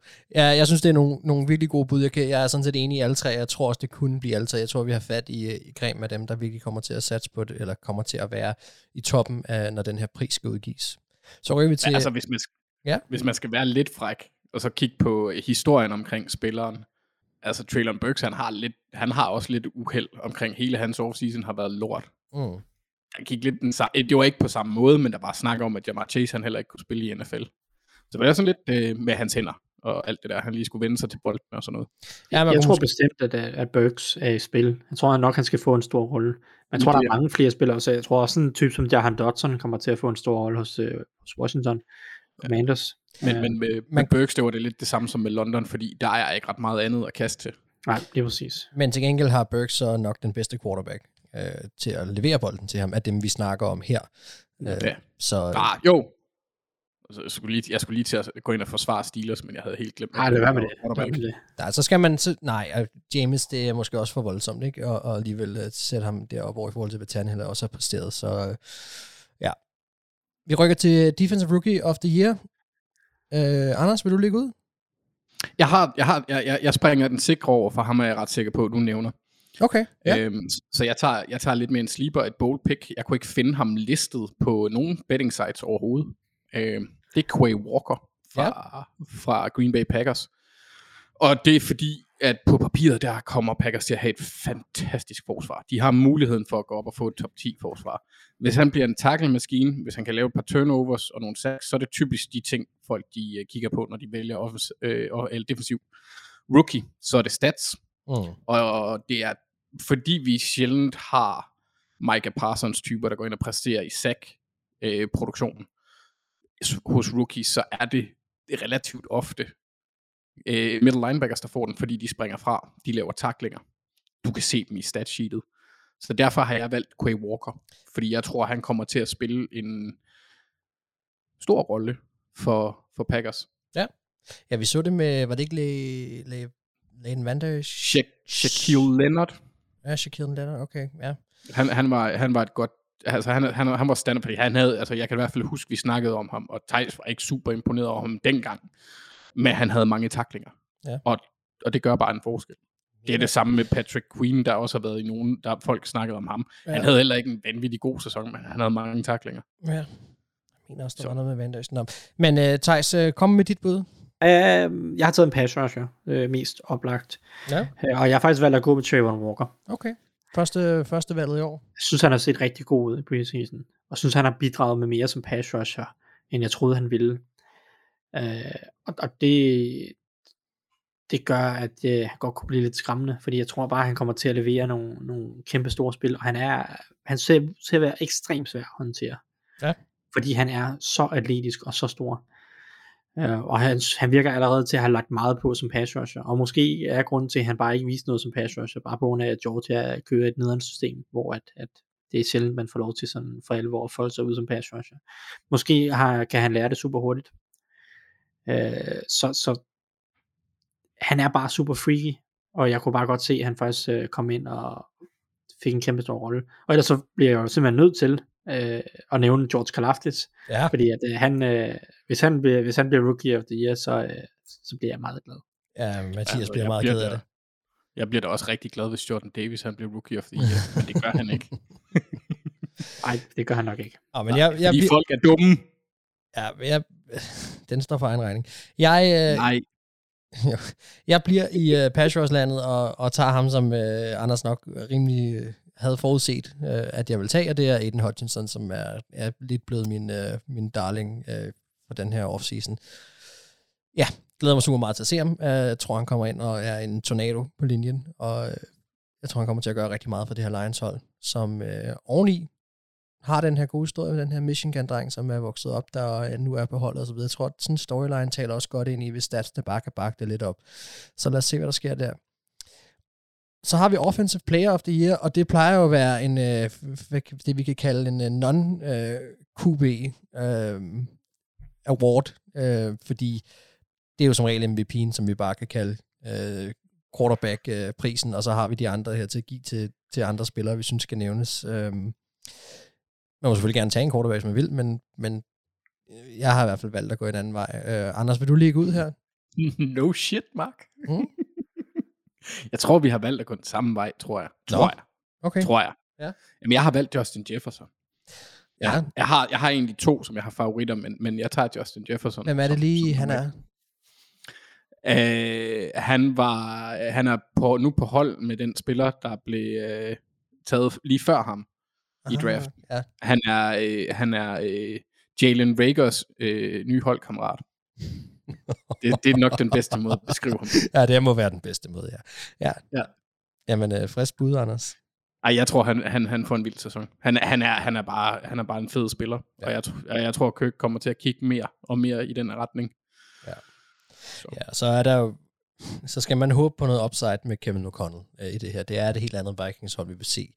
Øh, på trods af, at angrebet har været fint de andre år også. Øh, men Man øh, kunne jo også argumentere for, at han vil få færre, fordi Ja. at Irv Smith er tilbage, og hvis, øh, hvis de regner med, at Osborne skal have en større rolle, som du indikerer, at han skal, jeg tror bare, det kommer er til at, lidt. Men han er bare, han er bare et bæst jo. jeg tror, den rolle øh, kommer til at gå lidt mere ud over Adam Thielen. Men, øh, men lad os se. Øh, ja, altså jeg, jeg vil faktisk sige, at jeg lå imellem Davante Adams og Justin Jefferson. Øh, det er, så så det, er, det er de to, jeg har ligget imellem, så du havde jo nok ret. Øhm, ja, nej. Og, og, og jeg vil gerne nævne min nummer to, hvis Thijs ikke tager ham. Okay, Nå, men jeg går, med, jeg går med JJ også. Jeg tror også, det bliver et stort år for ham. Så kan du få lov, Thijs. Jamen, jeg har også skrevet Justin Jefferson, men okay. øh, min dark horse øh, er så øh, den gode øh, Mark Andrews. Uh, Okay. Andrews! En tight end. Fordi ja. de, de, jeg tror, de kommer til at kaste til ham så meget. Altså hele tiden. Hele tiden. Hele tiden. Fire touchdowns de per har kamp. ikke- Aldrig. Jeg ved godt, at Bateman han også er der, og han skal nok også få nogle bolde, men altså, de har så få typer at kaste til. Ja. Og de kommer til at, at køre øh, deres two tight ends, øh, en fullback, altså de kommer til at køre 22 personnel øh, på halvdelen af spillene, altså. øh, Ja. Der er bare en kæmpe rolle til Mark Andrews igen i år, tror jeg. Og øh, ja, det, det er meget bold at sige, at han vinder øh, Nej, offensive det er ikke det. Er, ikke- du, har over, du har overbevist mig nu, Thijs. Mark Andrews. Sikkert valg. Men altså, hvis han laver sådan en Gronkowski-agtig sæson med, øh, hvad ved jeg, 1600 yards og 20 touchdowns eller den, den stil, hvilket jeg mener er ikke urealistisk, Mm-hmm. så, øh, så, så er han da i spil. Det vil jeg sige. Var Men, Gronk, jeg, jeg, øh, jeg, jeg tror på det nu. Gronk har været oppe og snuse til den. Han har aldrig fået den, vel? Nej, det er rigtigt. Det, det kan godt være, at han ikke fik det det år, hvor han smadrede en masse rekorder. Men Men øh, jeg, jeg blev bare lidt i tvivl også selv nu. Det er egentlig ret vildt. Nå, øh, godt bud. Meget frisk bud også, øh, udover øh, Justin Jefferson. Øh, så skal vi til de... de Ej, jeg vil, jeg vil lige Nej, nævne okay. Jonathan Taylor. Bare lige, bare lige, ham kan vi ikke lige hoppe over. Okay. Du tror, han gentager sæsonen fra sidste år? Ja. Ja? Ja, Okay. det tror jeg. Jamen, øh, det er noteret, at han var med i din, øh, i din boble. Godt. Så skal vi til årets forsvarsspiller. Og øh, Anders, jeg synes egentlig bare, du skal... Nej, du fik lov til at starte før, så nu får Thijs lov til at starte med årets forsvarsspiller. ja, jeg har skrevet, øh, jeg har skrevet Bosa. Ja, det er fedt spiller. altså er vi... Øh, har to i en. ja, det er jo det, må til at sige, at det... Ja, Um, jeg havde egentlig lyst til at skrive Joey Bosa. Og Ja. det er måske lidt overraskende, fordi jeg tror, der er flere, der vil vælge Nick Bosa, men jeg har egentlig lyst til at skrive Joey Bosa, fordi Mm. mm. jeg tror, at Chargers øh, for det første kommer til at være foran i en del kampe, så der er mange, der skal ud og kaste mod dem. Mange muligheder for en pass rusher. Andet er, Khalil Mack er kommet til. Mhm. Der er en hel masse opmærksomhed på den anden side lige pludselig, som Joey Bosa endelig kan få lov til at udnytte. Øh, og forhåbentlig så holder han sig skadesfri i år, så han rigtig kan folde sig ud, fordi han er en top 5 edge rusher, der Ja. spiller for ham. Så, øh, så jeg, jeg, jeg havde egentlig lyst til at skrive Joey Bosa, men så var jeg faktisk nok til bare at skrive Bosa, fordi Nick Bosa kunne også sagtens gå en kæmpe sæson i møde. Øh, og, så, så jeg, siger, jeg siger bare Bosa. ja men så, så, så er du, som vi kender dig, Thijs, jeg synes, det. Ja. det, det er fantastisk. Ved du hvad? Jeg følger altså lige op i tråd, øh, følger lige op her og, og, og, og siger, jeg havde simpelthen skrevet Khalil Mack. Og øh, det synes jeg var lidt sjovt, når du valgte at, at, gå den anden vej, og så lige fornævnt ham også. Det er meget en dark horse, altså det er det. Men, men da jeg sad og skulle vælge det her, så var jeg sådan lidt, åh, oh, der er en Donald, der er dem her, vi plejer at sige, øh, det kan vi altid nævne. Men Khaled Mack er kommet til Chargers, det har loaded forsvar, øh, Brandon Staley og så videre, kan han få revivet sin karriere, altså det er ikke, at han var dårlig, øh, hvor han var før i Chicago, men, men kan han komme op på alle slæber igen som den her top, top, top pass rusher? Øh, det er ikke sikkert, men, øh, men jeg har en god mavefornemmelse omkring Khalil Mack, øh, så, så jeg har taget ham. Anders, så dig. Nej, men jeg, vi, kan, vi, kan ikke, vi, kan ikke, vi kan ikke have den her uden at nævne, øh, eller en af os tager Aaron Donald. Okay. Men jeg troede, du skulle til at sige TJ Watt, men okay. Nej, jeg, jeg, tror ikke, jeg, tror ikke, jeg tror ikke, han kommer til at spille på et hold, der er godt nok til, at de vælger det. Altså, TJ Watt, han kan uh, blive den første spiller i historien til at vinde, uh, eller have flest seks tre år i træk. Og han er også dygtig. Jeg tror bare ikke, at Steelers de kommer til at være gode nok. Og jeg tror ikke, han kommer til at have den der, øh, hvor han kommer så tæt på rekorden igen. Nej. Nej, det gør han nok ikke. Men uh, Og det var lidt det, der, der havde effekt sidste år, vil jeg mene. Men øh, vælger du Aaron Donald, fordi at ingen af os andre ja. sagde det? Eller fordi det jeg, er... havde, jeg, havde, jeg har kun skrevet Aaron Do- Aaron Donald ned. Super. Han er, han, han, han er bare så god. Ja, men vi Men har det jo- kan selvfølgelig også gå imod ham. Det er lidt det samme med Bill Belichick, der aldrig vinder Coach of the Year. Ja, men øh, jo, det er selvfølgelig rigtigt nok. Men, øh, Det kan godt være, at han er kommet ind i den der, ja, hvor, han, hvor, hvor de bare ikke får den der, fordi ja, ja han er så god. og Brady, der skulle have haft øh, 10 MVP's og så videre. Ja, ja Ja, men det er rigtigt nok. Øhm, det er noteret. Godt, vi fik ham nævnt også. Og så skal vi til den helt store pris, og det er MVP-prisen, Anders. Får lov, du får lov til at lægge ud. Hvem er din MVP for i år? Jeg synes faktisk, at, øh, hvad hedder det, feltet er enormt bredt. Det er helt ufatteligt svært at forudsige. Øh, jeg var meget, meget fristet til at gå Homer og sige Lamar. Mhm. Øhm, jeg tror ikke på Josh Allen. Jeg tror, hans, jeg tror, at vores forventninger til ham er for høje. Ikke, at jeg ikke tror, han bliver god. Jeg tror bare ikke lige... Altså ligesom sidste år var han jo... Det var også først mod slutningen, at det begyndte at blive helt, og så i playoffs gik han jo amok. Og Dabble er der ikke Det vil jeg gerne se ham gøre. Hvad? Og også, at han har mistet uh, Dabble for i år. Det kan også godt være, at det kommer til at, ind- at gøre noget ved deres angreb. Jeg må ikke. Altså, Ken Dorsey var i klubben, så, men jo, helt sikkert. Det, det er jo, jeg går ud fra det første gang, han skal kalde spil. Mm. Så, så det, bliver jo en, det bliver jo en forskel, helt sikkert. Og så er det jo også bare, altså Bills er jo også, jeg har også selv haft dem højt. Jeg synes, de er blevet lidt overhyped. En lille bitte smule. Ja. Øhm, så de er jo meget skrøbelige. Det var da egentlig det samme som Cowboys. Hvis det er sådan, at deres stjerner går ned, så har de ikke ret meget dybde der. Men nu har du sagt, hvem du Øh. ikke vælger. Hvem vælger du? Jeg vælger Patrick Mahomes. Ja. Fordi det er et cop-out. Ja. Øhm, og, og fordi jeg ikke helt er så sikker på Chargers som mange andre. Jeg kan helt vildt godt lide potentialet og papiret. Men det er stadigvæk Chargers. Et, et eller andet skal gå galt. Jamen, øh, jeg følger op og siger, at jeg har skrevet både Mahomes og Justin Herbert, men jeg går med Justin Herbert. Thijs, hvad siger du? Jamen, jeg har også overvejet Justin Herbert, men så, så siger jeg, øh, ej, det er også kedeligt, at vi tager tre AFC, for jeg havde tænkt mig så at sige Josh Allen, men det er så kedeligt at tage tre AFC. Hvem kan Brady. blive MVP fra NFC? Er der nogen, der kan det? Jamen, og jeg ved kan- godt, Aaron Rodgers lige har- Saquon! Brady? Ah, nej, det er også kedeligt at sige Brady og Aaron Rodgers. De har prøvet det før. Mm. Øh, Justin Kyler? Fields. Ej, øhm, Kirk Cousins? ja, okay. Jeg, jeg siger Josh Allen, fordi at, øh, det, det, ja, okay. det, det tror jeg. Det er lidt trist, at vi ikke kan komme på mere end to kandidater i NFC. Så- Det, det er, jeg synes faktisk, at NFC er lidt, Vi lidt får- trist. Vi er også forblændet af AFC. Lad os se, hvad der sker, når sæsonen starter lige om lidt. øh, og så skal vi altså lige afslutte det her, inden vi skal til at snakke U1 med vores bud på en Super Bowl. Og øh, jeg vil gerne sige, at vi fik et spørgsmål i sidste uge, hvor vi, hvor vi ligesom skulle komme med et bud på en, på en realistisk Super Bowl, eller hvem vi så gå i Super Bowl. Og jeg har tænkt lidt siden. Og jeg har altså ændret lidt holdning ind siden da. Og det er stadigvæk Chiefs fra, fra AFC, men jeg er simpelthen blevet mere usikker på det boksvalg, som jeg tog i sidste uge, og jeg tror mere og mere på, at medmindre de laver nogle ting i løbet af sæsonen, så kan de i sidste ende knække på nogle af de problemer, de blandt andet har på den offensive linje, selvom jeg tror, de kommer til at være stinkende gode ret langt hen ad vejen. Og så har jeg simpelthen valgt at gå med upside-holdet og sige 49ers. Så jeg siger simpelthen Chiefs mod 49ers i et bud på det Super Bowl. Thijs, hvad siger du? Boo. Det var det, det jeg har sagt. Okay. Det, men så er vi jo bare enige. Hvorfor skal, det skal du da ikke være så ked af.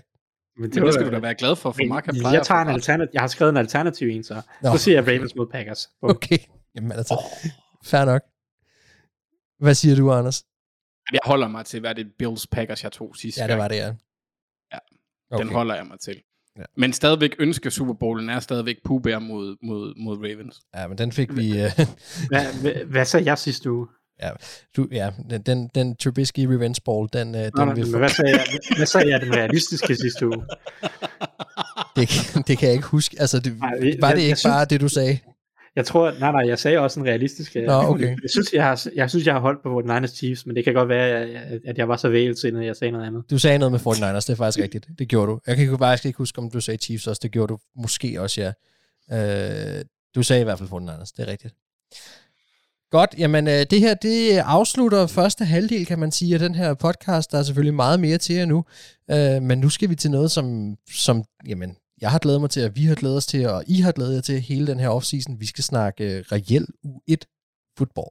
Hey guys, it's Shaquem Griffin, and you're listening to the Oval Office. Og det er det eneste rigtige at gøre, når man gerne vil klædes på til, øh, til den her NFL-sæson, og specielt til U1. Og nu går vi simpelthen i gang med meget af det, som vi, øh, jamen, som folk, der lytter til os fast, vil, vil genkende. Vi skal snakke U1-optakt. Det er måske lidt mere overordnet her i U1, fordi der er, vi kan kun snakke ud for off-season, og, og der er ikke rigtig noget rigtigt at bygge det på andet end det. Men vi går i gang alligevel, og vi starter med et matchup, som, øh, som I glæder jer til at se. Og som sædvanligt kan det være hold mod hold, det kan være enhed mod enhed, det kan også være en spiller mod spiller, eller en træner mod træner, hvad man kan finde på her. Vi er lidt brede i det, i det her segment. Og Anders, jeg kunne godt tænke mig at høre, hvad du har taget med her. Jamen, jeg har, jeg har faktisk rigtig mange ting, jeg gerne vil kigge på. Ja, spændende. Øhm, men, men, men det er jo det. Det, det, det. Altså for fanden, det er så tæt på, der er så mange fede kampe også oven i det. Vi skal have dig til at skære øhm, ind til benet her, ind til, ind til cremen. Jamen, der er, der er jo, øh, altså den, den kamp, jeg glæder mig mest til, for uden Ravens mod Jets, det er jo, det er jo, det er jo Browns og Panthers og the øh, Baker Revenge Game. Sådan, men det er mest på grund af historien omkring det. Og jeg Mm. tror, et eller andet sted, jeg tror Baker, han er sur. Jeg tror, han er rigtig sur. Jeg tror, han er bitter.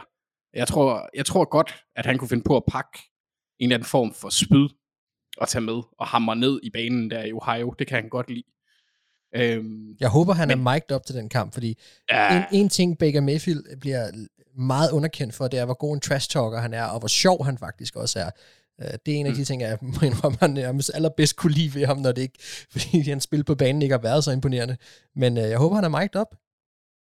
Men, men det, var, det var sådan set det mest historien. Matchuppet, jeg er mest interesseret i, det er Steelers defensiv linje mod Bengals og offensiv linje. Ja. Øhm, fordi jeg synes, den kan indikere meget øh, om, hvor folk er i hvert fald i starten af sæsonen. Steelers har nogle rigtig, rigtig dygtige spillere. Cameron Hayward er måske den mest undervurderede tackle i ligaen. Han er fantastisk. Øhm, og TJ Watt kender vi jo. Han er jo bedst. Så, så, og der er nogle andre spillere selvfølgelig også, øh, hvad hedder det, Ale- Alex Highsmith er også en god spiller. Så den er jeg rigtig spændt på at se, også for at se styrkeforholdet, fordi kan man allerede mærke den forbedring nu for, Ja. for Bengals i, i forhold til, og bliver det, altså det kan jo også være en situation, hvor Bengals er så meget bedre end Steelers, at det ikke bliver nødvendigt.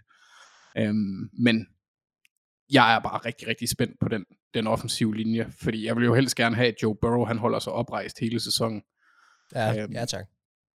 og, og det, det, det er ret vigtigt. Så den matchup og fight, den, den glæder jeg mig rigtig meget til at se. Ja. Særligt, særligt med fokus på Cam Hayward, der bare er, han er så sjov at se på at spille. Han er simpelthen herlig. Ja, man må sige, at den bliver prøvekørt, den her nye Bengals-linje, vi har snakket om også her tidligere i programmet. Det, det er rigtigt, det bliver spændende at se, hvordan de klarer, der mod, klarer sig mod Watt og Hayward og, og resten af drengene. Thijs, hvad har du taget med til os? Ja, jeg har kigget, øh, jeg har kigget på Raiders, og den her, eller generelt mod AFC West, som jo er en- en af de mest interessante divisioner at følge i år. Ja. Øh, og, og der har vi det her opgør mellem Raiders og Chargers. Og mere specifikt, så vil jeg jo rigtig gerne se på Raiders nye store investering, ham der skal ja, give Derek Carr alt det, han har drømt om siden college, skulle jeg til at sige, øh, i form af Devante Adams. Øh, og hvordan han fletter sig ind på det her Raiders angreb, hvordan Josh McDaniels bruger ham, og i det her opgør, hvordan han bliver brugt over for det her Chargers forsvar, altså det her matchup mellem McDaniels og, og Brandon Staley, øh, og generelt Chargers secondary mod Devante Adams, for at se, om Raiders kan forløse kasteangreb, for jeg tror, Raiders det skal bæres gennem luften. Du har allerede nævnt Derek Carr kunne komme til at kaste mange yards. Jeg, jeg er enig. Mm. Øh, det skal bæres gennem luften, det skal bæres gennem Darren Waller, det skal bæres gennem Devante Adams. Øh, Hunter Renfro. Det er dem, der skal bære det her Raiders hold nok nærmest generelt set. Og det bliver rigtig interessant at se mod en spændende Chargers secondary, der godt nok kommer til at være uden øh, JC Jackson, og det er lidt ærgerligt, øh, for jeg havde også vil jeg også rigtig gerne se Chargers' øh, defensive, en af deres defensive store investeringer, Ja. øh, med til ham op mod Adams, men det bliver jo så stadig øh, Asante Samuel Jr., Michael Davis, Bryce Callahan, der skal ind og håndtere det. Dervin James kommer nok til at hjælpe til, øh, når Adams øh, liner op i slotten for eksempel. Øh, hvordan håndterer de, hvor, stærk ser den her Chargers secondary ud, når den bliver testet på den helt store klinge med Waller og Adams allerede i U1? For der er selvfølgelig, altså nu sidder vi og snakker Adams en hel masse, men der er også Darren Waller, øh, der, som, Dervin, som Dervin James måske også kommer til at se meget til. Hvordan ser den her secondary ud? Brandon Staley skal jo ind og bevise, at han kan banke et godt forsvar på benene her i år to, nu hvor han har fået en helt stribe af stjerner, som han har ønsket sig.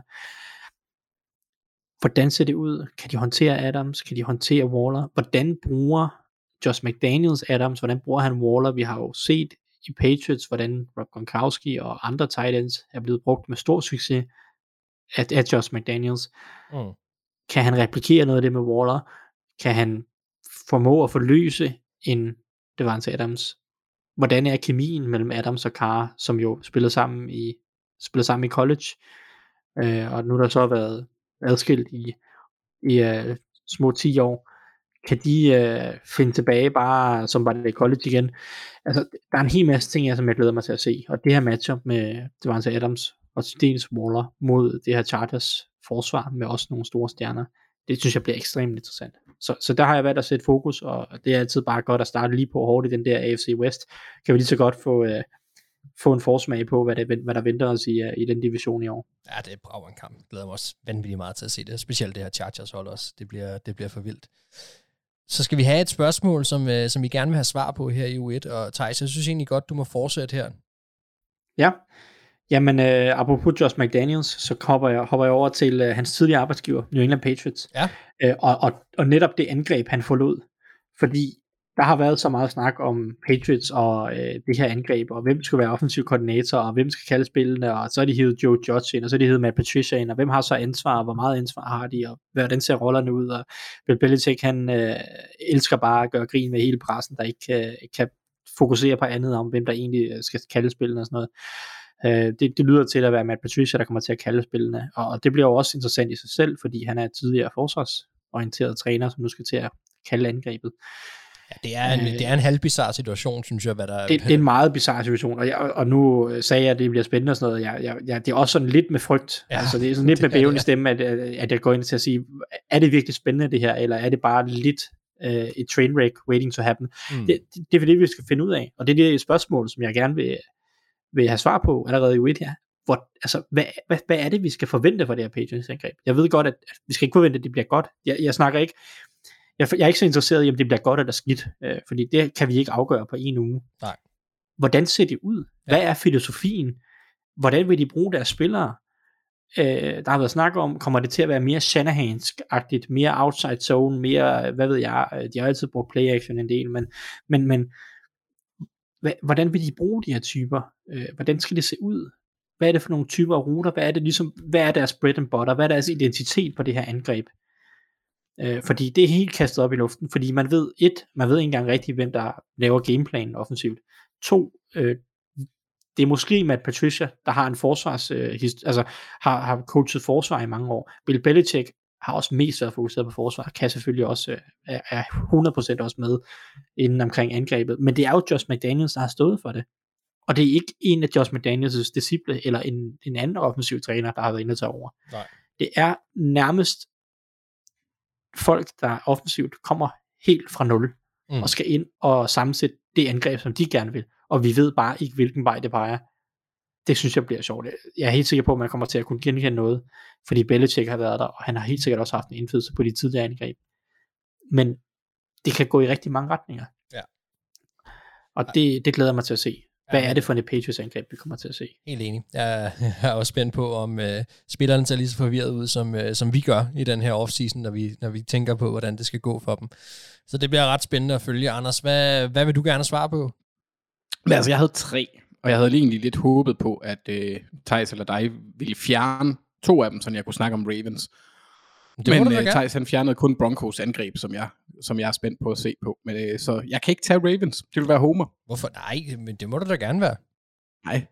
Øh, Nå, men deres forsvar er jeg spændt på. Men, nej, men nej, hvordan, jeg glæder mig virkelig til at se, hvordan, øh, hvordan Shanahan han bruger øh, Trey Lance. Og, og hvordan angrebet ligesom Mm. den tidlige version af det kommer til at se ud, sådan ja. at vi kan følge, hvordan det udvikler sig i løbet af sæsonen. Jeg går ikke ud fra, at han kommer ind og ødelægger ligaen, ligesom Patrick Mahomes han gjorde i, i sin sådan, første rigtige start, om man vil, i den nye sæson, ikke den han startede den sidste kamp, de sidste par kampe han fik der.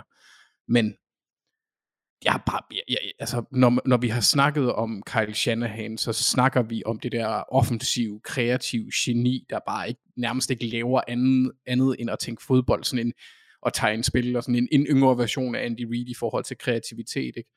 Hvad kan han gøre med en spiller, der har de atletiske arbejds eller, eller evner, som, som Trey Lance han nu har? Ikke? Altså, Og det kan må- virkelig blive og- sjovt. Ja, en spiller, vi må sige, han har håndplukket og satset, vil man jo tro hele sin, øh, måske ikke hele sin karriere, men har satset sit job, må man tro, hos 49ers på, ikke med den investering, man har lavet i ham. Ja, og så alligevel, altså det kommer jo an på, om, hvordan holdet klarer sig, fordi øh, altså 49ers står også i en situation, hvor Trey Lance godt kan mislykkes, og de stadigvæk er et godt hold. Det er ikke en god situation at stå i, men altså, de, de er da bygget til at kunne klare det i år, trods alt. Men jeg glæder mig bare virkelig til at se, hvordan han får alle de der brækker på det angreb til at passe sammen. Altså Trey Lance og George Kittle og Debo Samuel, Brandon Ayuk er der jo kæmpe hype omkring. Mm. Der er rigtig mange spændende, spændende håndtag, han kan trykke og trække i. Og det åbner sig lidt mere op med Lance, end det gjorde med, med, med Jimmy, eller CJ Beathard, eller øh, Nick Mullins, eller hvad pokker han nu ellers har Ja, klaret det okay med. Ikke? Altså, nu har han en reel atlet med Det- evner. Der er, altså, han, han har jo også en arm, Trey Lance, han kan jo også godt presse den langt. Så det er altså bare, altså hele, he, hvis det lykkes for dem at aktivere ham, så kan hele paletten af spil åbne sig for dem. Og det vil jeg virkelig gerne se i Kyle Shanahans hænder. Så jeg er rigtig spændt på at se, om vi får lidt smagsprøver i U1. Ja, det kan jeg godt forstå. Jeg er super glad for, at du nævner Trey Lance her også, fordi han er også en, som jeg også havde noteret selv tidligere, det tror jeg måske også I andre havde i forhold til en, en, en man ville kunne tænke sig at følge i år, en, en trend eller en, en, en historie. Altså hele det her 49ers quarterback show er jo, er jo for vildt at komme til at følge, fordi altså, vi, kan, vi snakker her om en spiller, som vi ikke ved særlig meget om endnu NFL-mæssigt, men som der bliver talt om i vendinger, at enten så bliver han MVP, eller ikke også så mister han sit job til Jimmy G i løbet af sæsonen, og et kæmpe øh, kollaps. Altså, der har ikke rigtig været den her middelvej, når der bliver snakket Trey Lance og, og 49ers, og hvad de kan opnå i år. Det, det er virkelig sat på spidsen, altså hvad, hvad han kan blive til i begge ender. Og øh, jeg tror, eller det, det er ikke noget, jeg tror, det er noget, jeg ved, at øh, medierne på et eller andet tidspunkt i, i den ene eller den anden retning nok skal stemme i kor, øh, og, og enten hylde eller øh, det modsatte med både Shanahan og, og, og Lance, og det bliver rigtig spændende at se, hvor hurtigt det går, og, og hvordan det kommer til at forløbe. De skal jo ind og bevise noget nu på banen. Ja, men jeg tror egentlig også, at 49ers er et hold, der er så godt, at de kan godt tillade sig, at det tager noget tid. Jamen, det, De skal præstere, præstere mod november og december. Det giver jo også lidt frihed. Det betyder ikke, at det, du sagde, ikke er relevant. Det er ikke det, jeg mener. Men altså, det, det, der er lidt mere... Ja. Altså, han har nogle virkelig gode omgivelser. Så, så Jamen det, og det er Ja. vi slet ikke uenige i. Jeg er bare i, tvivl om også, hvor meget tid han rent faktisk får. Så en ting er selvfølgelig, hvad trænerne bestemmer. Det er dem, der kommer til at bestemme det her. Men, men, men hvor hurtigt kommer folk til at dømme ham, hvis han starter svagt? Øh, og man ved, at Jimmy G sidder i, i baggrunden og venter. Ja, det, er, det er ret spændt på at følge. Og så skal vi sådan set videre til, til vores sidste faste segment i vores øh, almindelige øh, ugenlige optagsprogrammer. Are you ready, ready? We're ready. Are you ready for some football? Og jeg ved godt, at vi har hørt den her en gang, men jeg er simpelthen blevet overdraget bort, hvor at vi simpelthen ikke har vores picks jingler på. Og det lover jeg, at vi får rettet op på til næste uge, øhm, fordi de skal selvfølgelig nok komme ind. Men det er det, vi skal. ellers så kan jeg bare synge op til det, hvis det er Mark. Jamen, Jeg øh, kan, godt, jeg, jeg kan godt lave en, øh, en anden version af My Neck, My Back. okay. Jamen, øh, Men det, gør, det kan jeg gøre til næste uge. vi skal faktisk til at snakke noget om straf nu her, Anders, så øh, det kan være, at vi lige skal blive ved det her. Øh, fordi som nogen måske har hørt, hvis de har hørt vores øh, program fra sidste uge, som handlede om øh, lytterspørgsmål, og igen, tusind tak for alle dem, øh, der kom der et godt, øh, godt indspark fra, fra en lytter, som, som sagde, at vi skulle overveje at indføre en straf for, for den, der klarer sig dårligst, og vi valgte så at tolke det som om, at den, der klarer det dårligst i PIX. Og vi tog lige en åben øh, redaktionsmøde øh, foran mikrofonen, og det har vi tænkt os at fortsætte lidt i den her uge. Vi lagde det ud til jer og sagde, hvis der skulle komme en straf til den enkelte person, som vælger dårligst af os alle sammen i år i PIX, hvad skulle det så være? Og jeg skal love for, at der er kommet mange gode forslag. Der har været mistænkeligt mange, der har omhandlet svensk pølseret. Øh, der har, Jeg føler også, det er bare, bare et opslag om, hvordan kan man straffe Anders. Ja, det er jo lidt en hets, men øh, også fordi, at jeg har ikke noget imod svensk pølseret, så for mig vil det ikke være en straf. Øh, men, men, men der, det er mig, der skal lave den, Mark. der har også været ekstremer, som øh, bungee jump har jeg set nævnt, og, og måske den aller værste, det var at skulle sidde i en Sean Watson, tror jeg. Det siger jeg med det samme, det kommer ikke til at ske. Den er lukket. øh, men, Det var lige ondt nok. ja, det, det kommer ikke til at ske. Men, jeg tænker godt, vi kan blive lidt i den boldgade alligevel. Det er bare ikke lige så ekstremt, fordi at, øh, og du må undskylde, hvis jeg slagter dit navn nu, Jakob, men Jakob Warfinge, Warf, Warfinge, ja, undskyld Jakob, øh, han har skrevet ind, han har skrevet med et indspark, som var, at øh, taberen skal sidde i et hadeholdstrøje og skamrose selv samme hold i 5 minutter. 5 minutter, synes jeg lige er i overkanten. Men jeg, jeg har brygget lidt videre på det, og tænker, at øh, vi kunne sige, at øh, for det første, man skal have sådan en, en trøje på eller noget gear, det skal filmes, og så skal det måske være 30 sekunder.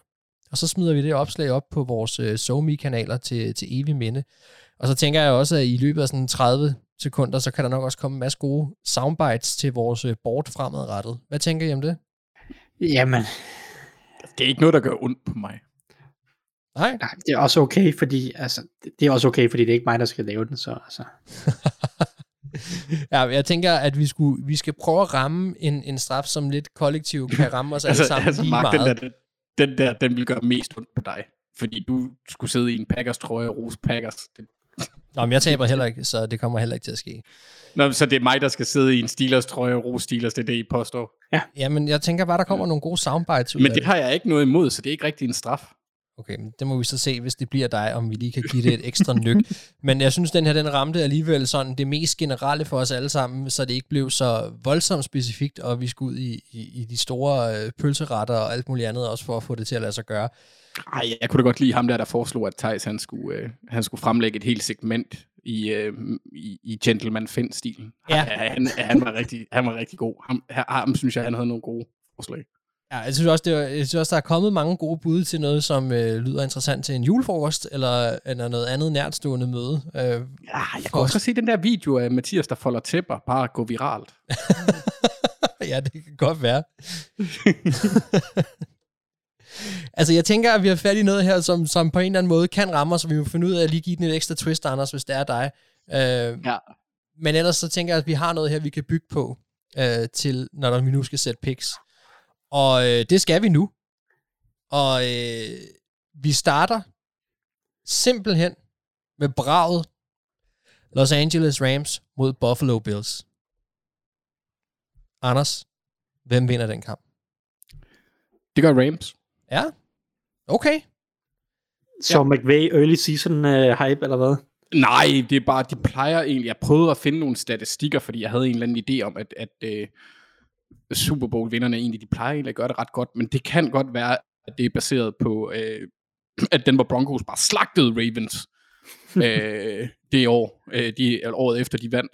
Så, så det kan godt være, det er det, der er fornemmelsen. Men jeg kunne godt forestille mig, at det tager lidt tid for Bills at komme i gang.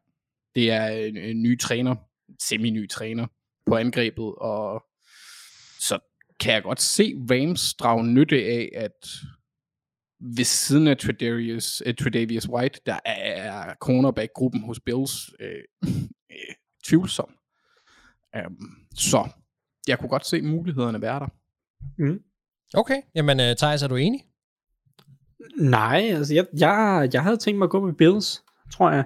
Uh, Ja. Øhm, jeg er lidt bange for det der, jeg, som jeg selv nævnte med Anders, uh, Sean McVay uh, early season altid. Jeg synes altid Rams uh, under McVay er kommet flyvende ud for sæsonen, ser bare ekstremt velsmurt ud hvert år. Øhm, og det kunne jeg godt være lidt bange for, fordi du kan bare se sidste år, hvordan Bills de øh, formåede på magisk vis at tabe til Steelers, og angrebet lignede, jeg ved ikke hvad, i den Mm. første kamp der. Øhm, men jeg tror, jeg tror Bills er, er rigtig sultne, og, og har bare så meget kvalitet også. Jeg, jeg synes, det er svært. Jeg, jeg går med Bills, så kan du også få lov til at afgøre det, Mark. Ja tak, jamen øh, det øh, må jeg jo så gøre. Jeg synes faktisk også, den er rigtig, rigtig svær, den her. Jeg har vippet meget frem og tilbage. Jeg ender med at gå med Bills. Øh, Fedt, så er jeg foran til at starte med. Ja, eller ikke også øh, et skridt nærmere. Nu vil jeg så også lige sige omkring det der, det behøver jo ikke nødvendigvis være en rival, tror jeg, du skal sidde i. Der må jo være hold, du holder mindre af. Øh, end, end Men ikke nok til, at det gør mig noget. Nej, Altså, jeg, jeg er simpelthen, lige, lige på det der punkt, der er jeg så ligeglad. godt. Så, så, så det er ikke en straf for mig. Vi må se, vi må se efter sæsonen, om der ikke skulle være et hold, der har Altså, så skulle det være, fordi jeg skulle rose Mason Rudolph i fem minutter. Det vil jeg synes Oh, jamen, der har vi den. Der har vi den, ja. Og så må vi lige se, om vi skal have fat i fanzone eller et eller andet her, så om vi kan lave noget, noget, noget special gear eller et eller andet, som, øh, som gør det endnu værre for dig. En I love Mason Rudolph shirt. Ja, vi må, vi må have gang i et eller andet her. Um, yes, jamen vi rykker videre til, uh, til sydstatsbraget mellem uh, Atlanta Falcons og New Orleans Saints. Og uh, jeg vil gerne lægge ud her og sige, at uh, jeg tror, Saints vinder den her kamp. Thijs? Bo- Bold. Jamen, øh, jeg er meget i tvivl. Jeg synes, den er svær. Hvis Ja. jeg skal være helt ærlig. Øh, og, og det... Saints burde jo vinde det, men, men jeg, jeg har det lidt ligesom Anders, tror jeg, med, at jeg har utrolig svært ved at komme til, at Saints egentlig er et ordentligt hold. Øh, selvom at talentmassen måske rundt omkring siger, at det burde være det. Mm-hmm. Det føles lidt forkert. Det føles uartigt. Ja. ja. Det, det føles uartigt at tro på Saints. Jo. Mm. Øh, så nu, er jeg jo, nu har jeg jo slået mig op på at være Arthur Smith-believeren, så lad mig bare tage Falcons, og så må vi, øh, altså det er week one, øh, det, man må gerne være lidt, øh, man må gerne være lidt våget. Ja, nu skal du bare huske, at vi, vi tæller det sammen. Men ja, Ja, jeg ved godt, week one tæller også, Ja. ja. men øh, jeg må indhente det senere. Øh, det skal Okay. nok gå. jamen Anders?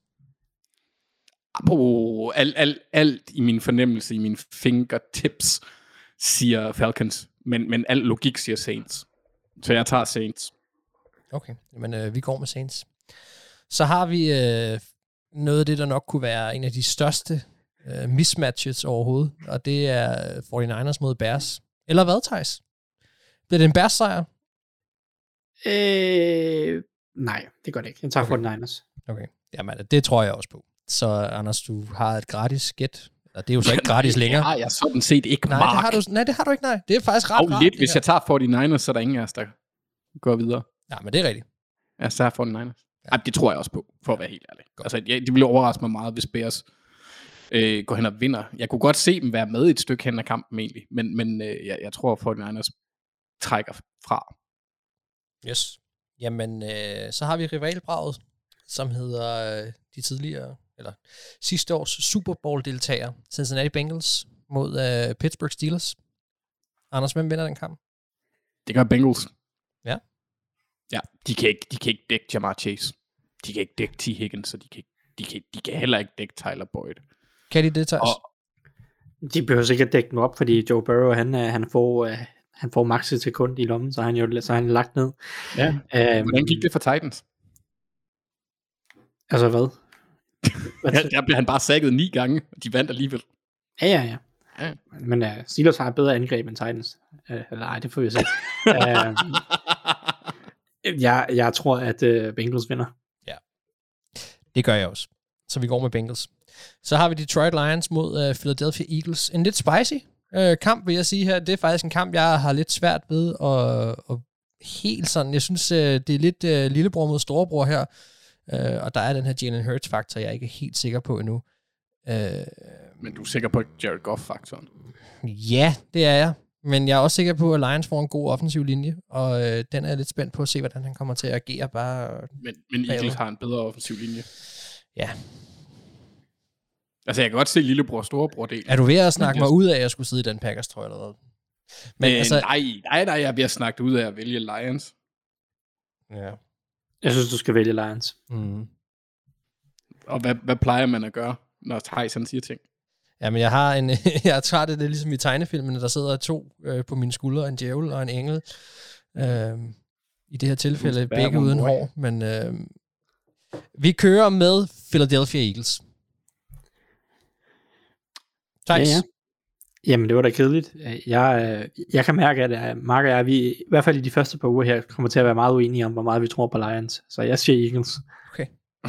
Jamen, Ja, øh, så går vi med Eagles. Og hvad siger du? ja, ja, jeg siger også Eagles. Det er Pubær.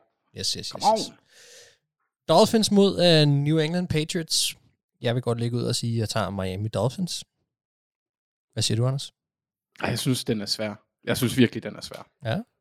Fordi det, jeg har ikke nogen... Altså, Miami Dolphins kan være et af de bedre hold i år. De kan også være et af de dårligste. Deres secondary er ikke super dyb. Øh, Men Patriots kan også være rigtig dårlige. det, ja, nej, det tror jeg ikke, de kan. Jeg tror ikke, at de kan være rigtig dårlige. Okay. Jeg tror, de kan være middelmodige. Det er selvfølgelig også dårligt i forhold til, hvad de plejer at være, men jeg tror ikke, det er et hold, det er ikke et hold, der brænder ned. Mm. Mm. Jeg er ikke så sikker, men ja. Nej, og så kan man så sige, de plejer, han plejer at have det uheldigt, når de er i Miami, og det er det. Er det ah, jeg tager også, jeg satser, jeg tager, jeg tager Miami også. Okay. Uh, jeg kan ikke lide det. Thijs, hvad siger du? Vi går med Miami, men hvad er dit bud?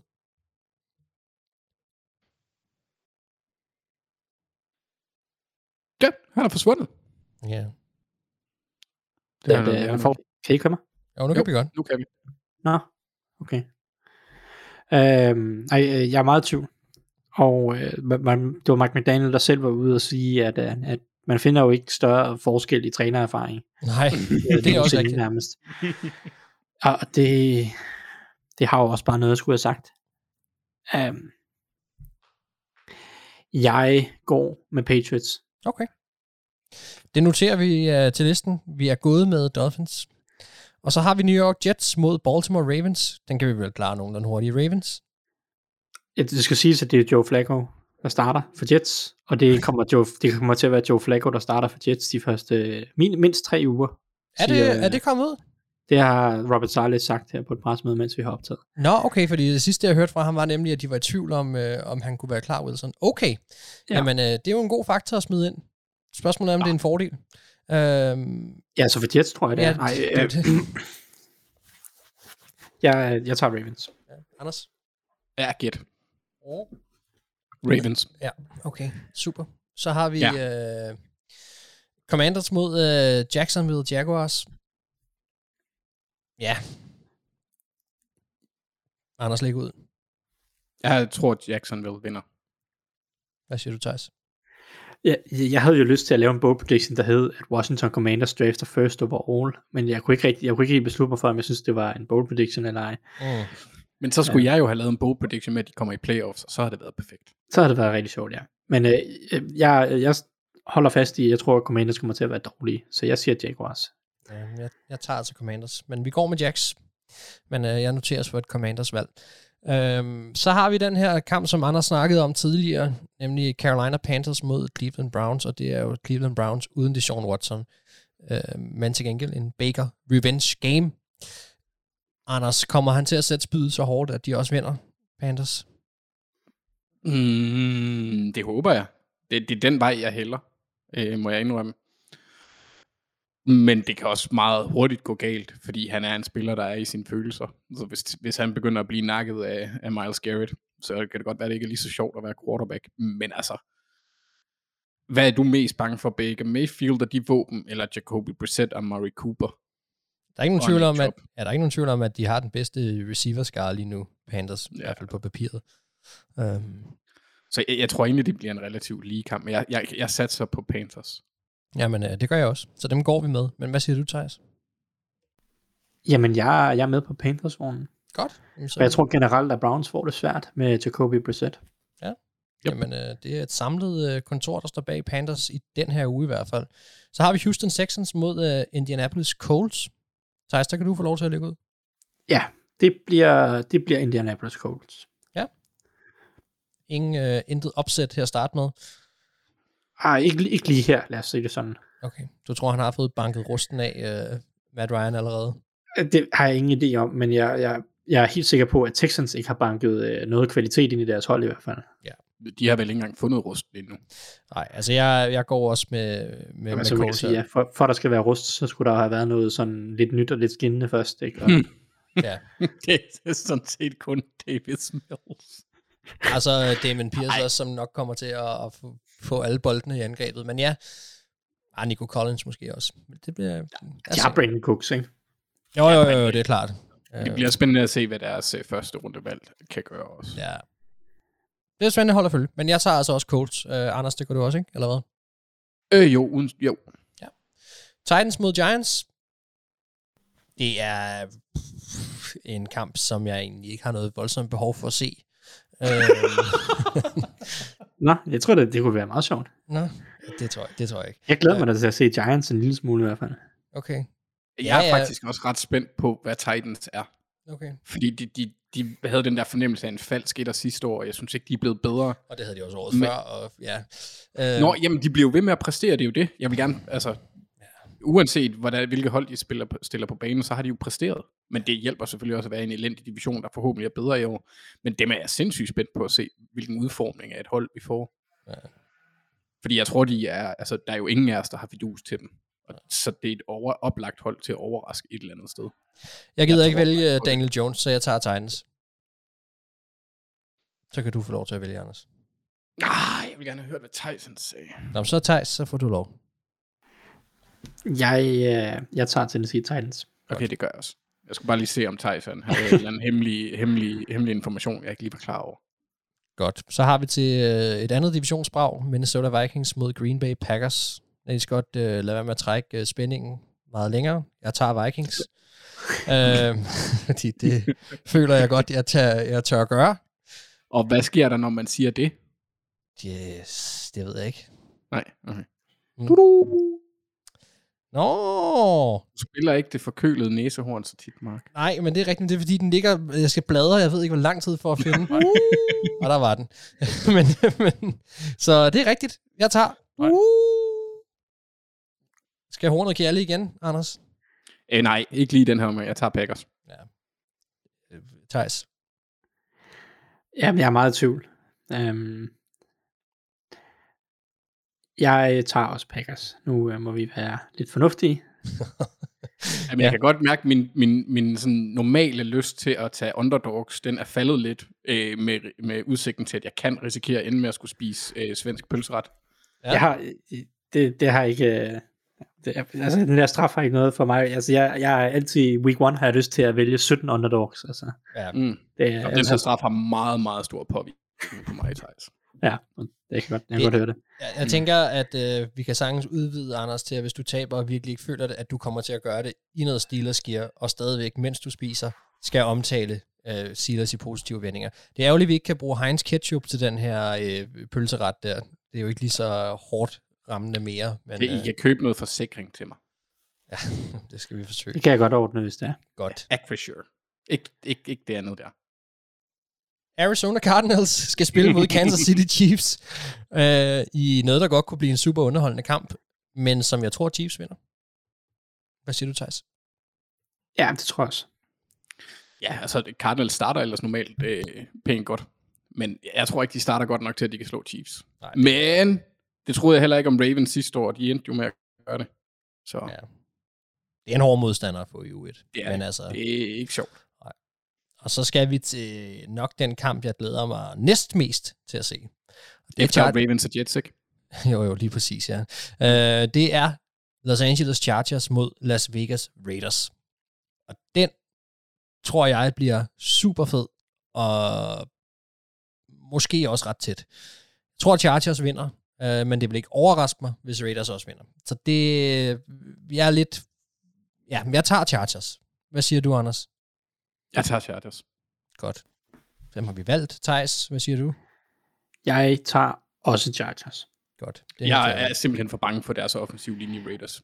Nej, men Altså- altså, det er jeg også. Men øh, Det- ja, hvad siger du? Det der matchup på højre tackle med Jermaine uh, Illuminor mod, uh, mod Joey Bosa, de, øh, de Ja. Det skal altså lige sige. det Og, nightmare stuff. og han, var, han, han, han er primært backup i Luminor. Så Ja, det er jo så fordi Alex Litterwood er bare mega dårlig, og Brandon Parker er skadet, så det, det, ikke at Brandon Parker var, var noget særligt i forvejen, men Der er, lidt- der er lidt der på den offensive linje, og det er ikke så sjovt, når man møder Bosa og Mac. Så skal vi til øh, Cowboys mod øh, Tampa Bay Buccaneers. Brady er tilbage. Stadigvæk en uh, gift mand, så vidt jeg ved. Øhm, og øh, ja, ej, øh, det, er, det, er, det er Brady mod, øh, mod Dak Prescott. Og øh, Thijs, hvad siger du her? Jeg siger, at uh, Tampa Bay Buccaneers vinder kampen. Ja. Anders? Ja, det gør jeg også. Men Mark, hvis du havde en affære med Giselle, så ville du jo heller ikke sige det. Så det der, så vidt jeg ved, det kan jeg ikke bruge til noget. Nej, okay. Jamen, øh, jeg holder, holder fast på box også. Så det er dem, vi tager. Mm. Og nu, nu tror jeg, at du har en, fordi du gled bare forbi det. Ingen kommentarer. og så skal vi videre til en anden revenge game, som er en, øh, en Russell Wilson revenge game. Det er spæ- spændende at se, hvor meget han har tænkt sig at træde på Pete Carroll. Uh, de skal nemlig møde uh, Seattle Seahawks. Så uh, hvem bliver det, Anders? Bliver det Denver Broncos, eller bliver det Seattle Seahawks? Ja, det bliver, det bliver Denver Broncos. Jeg har virkelig svært ved... Mm, Jeg, jeg, jeg, ja, jeg kunne egentlig også godt sige, at Seattle var et af de hold, jeg gerne ville se, mest for at vide, hvad de bliver til. Jeg, ikke fordi jeg tror, de bliver spændende. Mm. Øh, nej, jeg, jeg, jeg, jeg tror, de bliver øh, slagtet. Jamen, jeg er enig. Og jeg har også allerede markeret Broncos nu. Uh, Thijs, jeg går også ud fra, at du har dem. Ja, jeg har også Broncos, men det vil være det mest Pete Carrollsk-agtige. Mm. nogensinde at gå ud og så slå Russell Wilson og bare øh, komme ind til pressemødet med det, det mest Bare- lumske smil nogensinde. Altså, I bare overkrop. Ja, i bare overkrop ja, og mærkelige videoer. Og med en guldkæde. Hvor han, bare, hvor han bare siger, this is my house. Ja. Ja, ja, altså, ja. Whose house? Pete's house. Bliver det, Det er bliver det Elway den anden vej, hvis, øh, fordi det bliver ikke Russell, men øh, bliver det Elway den anden vej, hvis det er dem, der vinder? Nej, nej, så, så er det jo, det tror jeg ikke. Nå, Jeg tror ikke, vi, jeg tror ikke, vi skal forvente noget særligt, hvis Broncos vinder. Så er det jo bare business as usual. Øh, Det var, hvad vi forventede. Det kan godt være, at Elways øh, status på plejehjemmet steg en lille smule i forhold til Carols, men øh, ja, det kan godt være, at der ikke sker så meget. Vi har sat vores picks for i år. Eller ikke for i år. Ja, For ah, første ah, uge. Ja, vi, har sat, vi har sat vores picks for den her første uge i år, var det, jeg vil sige. Og øh, det er exciting. Det er spændende, som det hedder på dansk. Og øh, vi glæder os alle tre voldsomt til at få lov til at se noget fodbold, som altså allerede løber over skærmen natten til fredag. Og øh, så har vi vores fantastiske fodboldsøndag tilbage, og det, det bliver smukt med den her, det her halvårs tid med, med voldsomme søvnunderskud og knuste fantasy-drømme, og jeg ved ikke hvad. Men vi glæder os til at dele dem alle sammen med jer derude. Og øh, vi håber, I har nyt den her uges program. Jeg er stadigvæk vært igen i næste uge, og så skulle Mathias vist gerne være tilbage efter den.